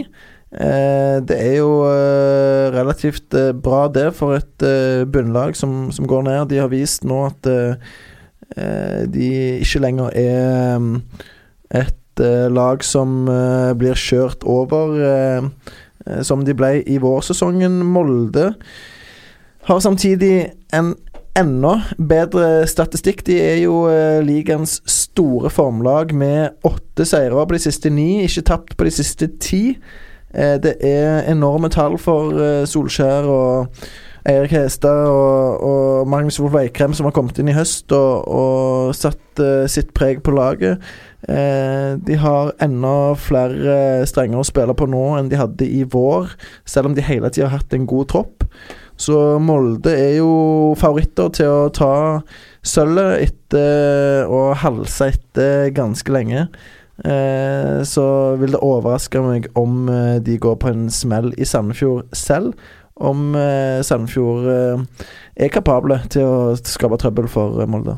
Ja, Sandefjord har jo sett litt mer solid ut. Definitivt. Så, eh, det var vel noen som sa hadde han Sequentes kommet fem runder tidligere, så kan det hende de hadde klart seg. Ja, og det gikk jo en stund uten uh, ny uh, permanent trener òg, etter at eh, Magnus Powell fikk eh, sparken. Så de burde og, og skulle definitivt hatt uh, Sifuentes inn tidligere. Men eh, om det er noen trøst, så lover det i hvert fall bra for eh, neste sesong i Obos-ligaen eh, for eh, Sandefjord, hvis uh, Sifuentes er med ned der. Ehm, men eh, nå på lørdag klokka seks så tror jeg eh, de får det tøft.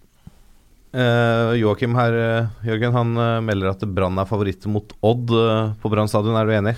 Ja, Det er det jo ikke noe tvil om. Det hadde jo vært uansett eh, Nesten uansett tabellsituasjon. Altså Selv i nedrykkssesongen så ville det jo omtrent vært Eller var de det? Eh, og det er klart, her igjen har man et lag som har noe å spille for, mot et lag som egentlig ikke har noe å spille for. Eh, og da Sånn som for alle kampene her, da, eh, den runden her, så kan vi jo si generelt at de som setter odds og spiller på odds, legger veldig vekt på motivasjon. Eh, oddsen på Rosenborg og Haugesund er ekstremt høy hjemme mot Bodø-Glimt og Start, f.eks., for eksempel, i forhold til hva det ville vært eh, for fire-fem runder siden. Eh, og så er det jo klart, det her er jo en kamp hvor eh, Dag Eile Fagermo og Odd har jo fortsatt et forhold til Brann, og Brann-fansen har i hvert fall et forhold til Odd, da. Eh, etter det her målet til Kovacs, eh, hvor Oppdal lå nede for en del år siden, som gjør jo at det et oppgjør som ellers egentlig ikke ville vært noe spesielt, betyr liksom litt ekstra for begge parter. Og kjenner jeg Fagermo rett, så vil han synes det er være en ganske deilig avslutning på sesongen om de kan dra og ødelegge sølvmulighetene til Brann. Eh, I tillegg til at de selv kan bli nummer seks. Og det som vi sa for Vålerenga, Rana, altså, å bli nummer seks ser finere ut for ettertida enn å bli nummer ni, da. Mm, mm. Det har ikke all verden av betydning, og det skiller ett eller to poeng, men eh, en sjetteplass ser finere ut. Da er du på øvre halvdel, og du får et par ekstra millioner enn hvis du blir nummer ni. Eh, så får vi se, da. Så Brann eh, Det var ikke så mye som stemte for dem i Kristiansund sist. Det var det ikke. Det er 90 minutter som står igjen, og det, for dem så handler det bare om å gå ut på og mate på med det beste de har, som de har visst litt for sjelden i høst, eh, og håpe på hjelp fra Sandefjord. Haugesund uh, Bårdsen, de har jo da ikke så mye å spille for. De har fjerdeplassen uansett åssen dette går. Ja, de har det, og må håpe at eh, Rosenborg vinner cupfinalen, vel. For da eh, vanker der en eh, Europa League-plass. eh, Kvalik i hvert fall, ja. Ja, Europaliga-kvalik. Ja. Selvfølgelig. Eh, muligheten for Europaspill uh, De er jo inne i en um... Fordi ta, bare ta det, da. De tar imot Start, som kjemper desperat for å unngå nedrykk. Ja, og dette er jo en av eh, de matchene som det knyttes eh, størst spenning til. Eh, kan godt starte med, med Start, som hadde en veldig god periode etter Rekdal tok over. Eh, han ble eh, fortjent eh, hylla eh, for de eh, prestasjonene de hadde, og, og de seirene de tok, men så har det blitt tre strake tap. Eh, og peker veldig feil vei for Start nå, på et tidspunkt av sesongen der det er veldig farlig. Ligger på kvalikplass. Trenger Det må vel være lov å si, bare avbryte, at eh, to av de tapene er litt forventa. Det var eh, Rosenborg borte Nei, Rosenborg hjemme og Molde borte. Jo da. Men eh, den kampen mot Sandefjord var jo en sånn nøkkelkamp som Ja. de tapte. Ja, da fikk de juling Mm. i, i Sandefjord. Eh, men eh, nå må de ha poeng for å eh, komme seg unna den kvalikplassen. og med tap her så kan de i verste fall gå rett ned. Eh, hvis eh, Stabæk eh, slår godset på hjemmebane, noe som selvfølgelig kan skje. Så mm, det er uhyre viktig oppgjør for Kjetil Rekdal, for Start-spillerne, for Start en drøm AS, som er dette nye selskapet som investorene var med å opprette eh, vel sommeren 2017 i fjor. Eh, så mm, mye står på spill, eh, mye penger. eh, et helt år i Obos-ligaen potensielt sett, om ikke lenger. Så, så her Her kan Haugesund gå ut på banen der med senka skuldre, med visshet om at de blir nummer fire uansett. Eh, mens eh, startspillerne sannsynligvis kommer til å være ekstremt konsentrerte, ekstremt tente. Og så gjelder det for Rekdal å, å eh, få gutta sine til å ha det rette spenningsnivået, der eh, denne store anledningen blir en positiv faktor, og ikke noe som eh, hemmer dem. Hvor svekka er Start at eh, Damien Lowe eh, fikk to kampers karantene etter å ha klappa til Birger Meling i forrige runde? Ja, Det er jo ikke spesielt lurt eh, for det første å klappe til Birger Meling eller noen andre for den saks skyld. Ehm, så han kan jo bare takke seg sjøl for det.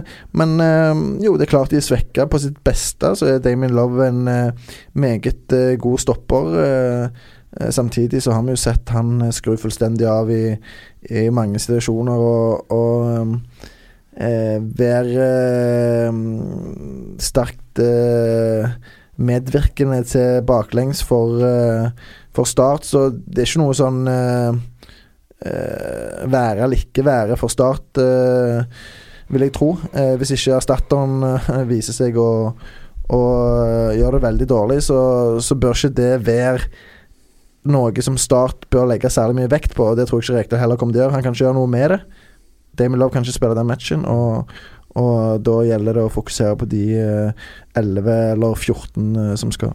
Ja, og av de 14, Kevin Cabran har vært ute lenge, er meldt i trening og kan kanskje være en joker. Kan definitivt være en joker. Vi vet eh, hva potensial, potensial han har. eh, Så eh, det vil ikke overraske meg om han kommer inn mot slutten og, og setter en kasse. Det kan bli helt sinnssyke scener her. sant? Enten i Haugesund, der Start kan avgjøre det mot slutten, eller eh, på andre arenaer. eh, eh, på Nadderud, sant, eller mellom, mellom Stabæk og, og Strømsgodset, eller Lillestrøm. Lillestrøm, Kristiansund, sant? selv om det òg har ikke Kristiansund eh, noe å, å spille for, så, så vil Lillestrøm jakte eh, seier der og, og poeng, så eh, det blir veldig, veldig spennende i disse matchene. Ja, vi skal jo videre da til Åråsen. Lillestrøm eh, kom seg jo vekk fra kvalikplassen med Morten Sætras selvmål i forrige seriekamp eh, mellom eh, Godset og Lillesund, som endte 2-2. Eh, har jo da like mange poeng som start på kvalikplassen. og Møter da Kristiansund. Har femte, Kristiansund har femteplassen uansett, så dette er en kamp som betyr vidt forskjellig for eh, disse to lagene. Lillesund kjemper jo nå for overlevelsen. Eh, og Kristiansund er jo ligaens absolutte formlag. De kommer til Åråsen med fem seire på rad. Eh, men er jo da egentlig et kunstgresslag og skal da spille på en vintertung matte på Åråsen. Det skal de, men den er ikke så mye mer vintertung enn det Nadderud-matta var for eh, kun et par uker siden. Og Da vant de 1-0 bort mot Stabæk. Det er riktig, for de vant eh, nettopp sin forrige bortekamp, og den var på naturgress. Lillestrøm står med fem kamper uten seier, men har fire uavgjort da, i den perioden, så de har jo tatt litt poeng, og det gjør jo at de nå ligger på trygg plass. De trenger sannsynligvis ett poeng her også, muligens alle tre, for å være sikret plassen i Eliteserien og for å unngå kvalifiseringsplassen. Det er jo, som vi har snakket om, det er masse scenarioer her som kan spille inn underveis, og kom, altså, tabellen kommer til å endre seg i løpet av alle 90 minuttene. Ja, det kan bli et uh, enormt drama her. eh, til langt inn på overtid så kan disse forskjellige skjebnene beseiles. Helt klart. Lillestrøm har ingen karantener. Eh, Kristiansund mangler sin viktige spiller uh, Aliou Koli etter den forferdelige albuen mot Brann sist. Han har fått uh, straffen. Det er tre kampers karantene. Jeg tviler på at Kristiansund eh, eh, anker den. Eh, det har vel egentlig ikke så mye å si. Eh, han soner uansett mot Lillestrøm. Men tre kamper for den albuen. Nå sier NFF at det er formildende at han beklaget i etterkant. Men er det ikke da fritt fram å gå inn med overlegg og prøve å skade noen med en aktiv albue hvis du bare får tre kamper? Burde det ikke vært fem-seks kamper her? Ja, Det er iallfall et uh, spørsmål som uh, kan eh, diskuteres. Uh, det er en stygg sak. Det er en stygg albue. Samtidig så er vi ikke på Leonardo-nivå i VM 94 heller, der han kjører en fryktelig albue. Det er på en måte Hva skal jeg si Den er stygg, men det er ikke det er ikke livsfarlig, for å si det sånn. Nei, men det Eh, er, jo, det er jo snakk om marginer her. da Han kommer inn med mye Det- kraft. ja. Treffer han litt feil, Ja, ja. så kan det være livsfarlig. Altså, Ja, gjerne mulig. Og jeg forsvarer selvfølgelig ikke handlingen, men eh, jeg eh, tenker samtidig at tre kamper her kan være greit. Det er, tre kamper er relativt strengt. Han må, sone de to første i eh, Eliteserien eh, 2019 i tillegg til denne matchen her nå, så jeg tror nok han eh, skjønner at det, det er sånn Sånn gjør du ikke. Eh, men òg hadde han fått fem kamper, seks kamper. Jeg hadde ikke sagt noe på det. Det hadde vært greit. Men eh, jeg tror ikke dette her er noe som er så mildt, da. Nei. At det vil skape presedens, nærmest. Eller at det er på en måte et signal som andre litt grisete spillere tar, som at OK, men da kan jeg prøve meg på det samme, fordi Mm. jeg slipper unna billig. Det tror jeg ikke. ta sjansen, ja.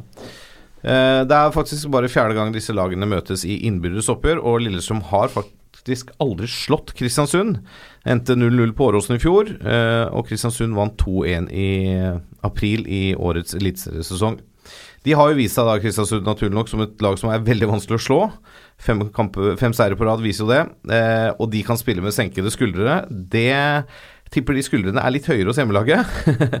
og det er vanskelig å spå hvordan en kamp som dette ender, syns jeg da. Det, jeg tror det blir en berg-og-dal-bade for Lillestrøm, rett og slett. Eh, både med tanke på hvordan det går i denne kampen, og med tanke på resultater som tikker inn fra andre arenaer. Det skal opplyses om på arenaen. Spillerne kommer til å få med seg, selv om det ikke blir opplyst, så vil det få med seg stemningen på tribunen hvis det kommer liksom at eh, Start leder 1-0 borte mot Haugesund.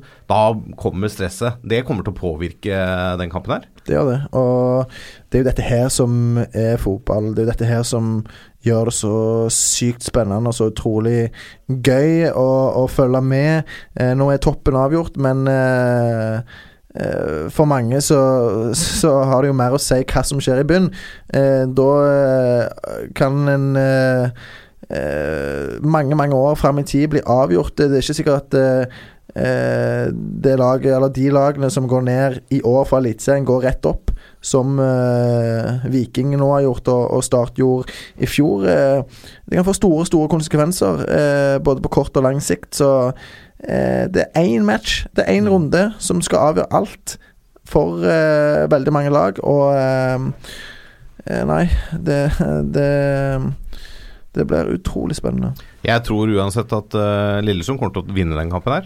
Eh, de, I min, min bok er de favoritter, selv om Kristiansund er et mye bedre lag akkurat nå. Et ekkelt lag òg, sant? De, Ja, ja. de er ekle møte. Ja, de er det. Men jeg, jeg holder Lillestrøm som favoritter, og tror Lillestrøm sikrer plassen i Eliteserien. Eh, da er det én kamp igjen vi skal gjennom, Kjernås. Det er da Stabæk-Strømsgodset. Og den eh, Morten Setra Det Morten Setra-selvmålet vi snakket om før Lillestrøm sin kamp mot Kristiansund, det kan bli avgjørende. Det, altså Nå har vi jo kalt et par kamper uinteressante denne runden. her Det du skal være veldig lite fotballinteressert for å kalle Stabæk Strømsgodset for uinteressant. Fordi herregud, for et drama det kan bli der. Og det Jeg tror vi får et scenario på lørdag hvor ett, vi får ett mål der, og så endrer det tabellen, og så ett mål der endrer alt. Men på Nadderud så kan det jo faktisk være direkte avgjørende for begge lag. da Ja. Altså Det kan være de som bytter plass nede i bunnen der. Hvis Stabæk vinner den matchen, så holder de plassen. De gjør jo høyst sannsynlig det, ikke sant. Det, selv om det, det kan jo bli kvalik eh, da blir fort det. Men uh, for Stabæk så er egentlig utgangspunktet enklere enn for Godset sånn sett. Fordi Stabæk må bare tenke at uavgjort holder høyst sannsynlig ikke. Da må de ha hjelp i Haugesund. altså Du kan ikke gå ut på banen for uavgjort med det, den tabellposisjonen de har. For Godset så kan det jo i hvert fall etter hvert i kampen være fornuftig å prøve å trygge litt inn. Fordi ett poeng kan faktisk være mer enn nok for dem. Eh, de er langt mer avhengig av å høre resultatet fra alle de andre arenaene enn det Stabæk eh, egentlig er. I hvert fall sånn på forhånd, da. Eh, så jeg er veldig interessert i Skulle gjerne visst hva BP tenker om tilnærminga han har her. Man møter jo et Stabæk-lag som eh, er full pupp framover og har masse uforutsigbarhet og kvalitet offensivt, og som vi veit at slurver og gjør mye rart defensivt. Eh, litt de samme tendensene er jo hos Godset også. Eh, veldig fine framover, stort sett, og så skjer det mye rart i de bakre rekker. og De er ikke så tette bakover og så lette å, eller så gode til å forsvare seg som de burde vært. Eh, det her blir et drama. Jeg tror eh, eh, Det er den kampen Altså, av de åtte kampene her, så er det den kampen jeg syns det er vanskeligst å spå. Eh, fordi her står livet på spill for begge klubber. Og det, så istedenfor å spå, så må man bare si at her, her er det egentlig bare å glede seg for alle oss som ikke holder med Stabæk og Godset. Men uh, apropos godset. Uh, Morten Sætra kom inn, tok plassen fra Espen Bugge Pettersen. Var god i de første kampene, men han har vist litt svakhetstegn eh, nå mot slutten av sesongen. Han har gjort noen litt rare inngripninger. Ja, altså Man får jo inn en keeper som høyst trolig overpresterte i starten og var på et maksnivå, holdt på å si, ja, sitt maksnivå da han kom inn og fløyt litt på en bølge. Eh, det er et interessant valg å, som BP gjør der òg. Det er det definitivt. Men Ja, bør han dytte inn Bugge Pettersen sin erfaring igjen i siste kamp? jeg, jeg skjønner hva du sier, si, men jeg, når Bugge vel høyst sannsynlig er ferdig i klubben og heller ikke akkurat har vært noen mur, for å si det sånn, i år, så tror jeg man lander på Sætra. Men eh, det er ikke et luksusvalg han må ta der. Det er det ikke for BP. Før vi runder av da, gutter. Eh, hvordan tror vi dette går i nedrykkssiden? Hvem rykker direkte ned? Hvem havner på kvalik? Det er så vanskelig å komme med noe kvalifisert her, egentlig, men Da gjetter du.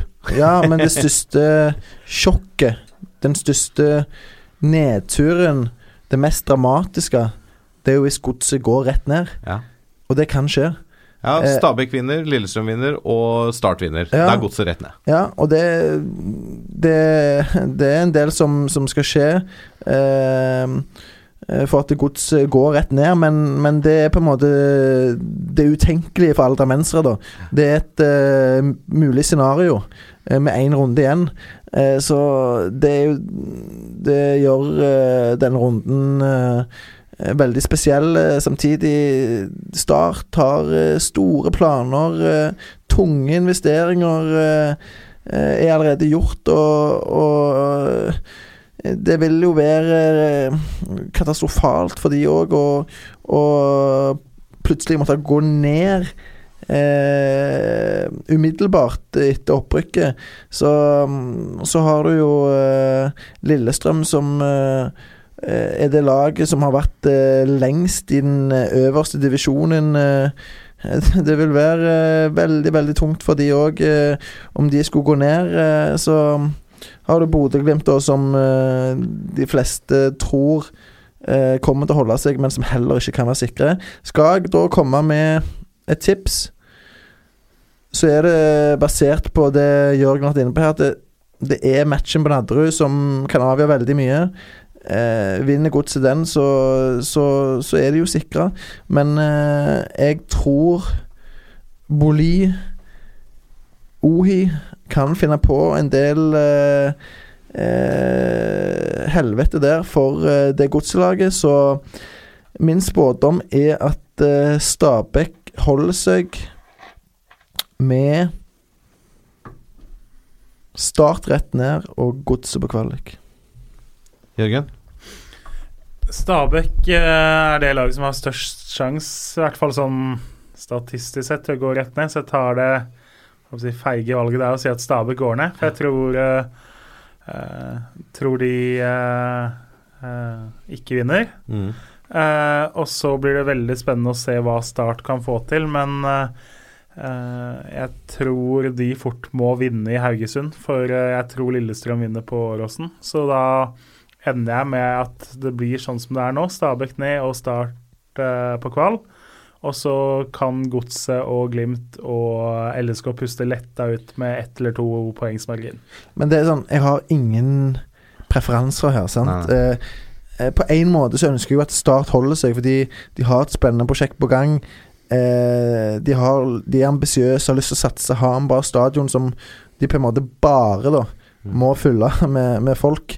Eh, og Da er de avhengig av eh, å være i Eliteserien og, og ha masse gode opplevelser. Så det vil jo være trist sånn sett for norsk fotball, mener jeg, da, selv om sikkert svært få er enig med meg i det. Eh, om Start går ned. Eh, så har du Stabæk, da, som har eh, stadionplaner eh, på gang og sånn, og, og Lillestrøm, som er så tradisjonsrike. Eh, Bodø-Glimt er vel gjerne, litt stygt sagt, det laget som folk flest vil savne minst, om de går ned. Ja, De, ellers de de havner Stabæk dårligst på kvalik, da. altså- Altså, Bodø-Glimt har så god målforskjell, så de havner dårligst på kvalik. Ja, jo jo, men allikevel eh, det- Kvalik kan bli tungt nok. Det er mot f.eks. Ålesund. Ja. Eh, eh, så så har du jo Godset, som jeg har nettopp vært inne på, som vil være eh, meget dramatisk eh, om, de skulle, skulle rykke ned med, med de fasilitetene og, og den stallen de har, så Nei, jeg, jeg orker ikke si mer. Jeg, jeg er bare spent Jeg, på hva som skjer. eh, jeg kan jo gi mitt tips. Stabæk-Godset ender uavgjort. Start taper i Haugesund. Start rett ned. Stabæk på kvalik. Lillestrøm og Godset klarer seg. Fordi målforskjellen til Stabæk er litt bedre enn Start sin. Det var mitt tips. Da har vi tippa litt forskjellige, gutter. Det blir spennende. Uh, jeg tror det blir en gøy lørdag, uavhengig av uh, eliteserieresultatene. Da tenker du på 40-årsdagen din, Da eller? tenker jeg selvfølgelig på 40-årsdagen min. Uh, takk for at dere kom, da. Takk for at vi fikk komme. Ja, det Alltid velkomne. Eh, alle tre håper jeg vi er, egentlig. Ja, stort sett, iallfall. Stort sett, ja. ja. Vi er som alltid Toppfotball på Twitter og eh, Instagram og eh, Facebook, ikke minst. Har du innspill til oss, så sender du oss en mail på toppfotball at eh, 451.no. Og så runder vi av som vi alltid gjør. Én, to, tre. Vi er i gjeng. Ha det!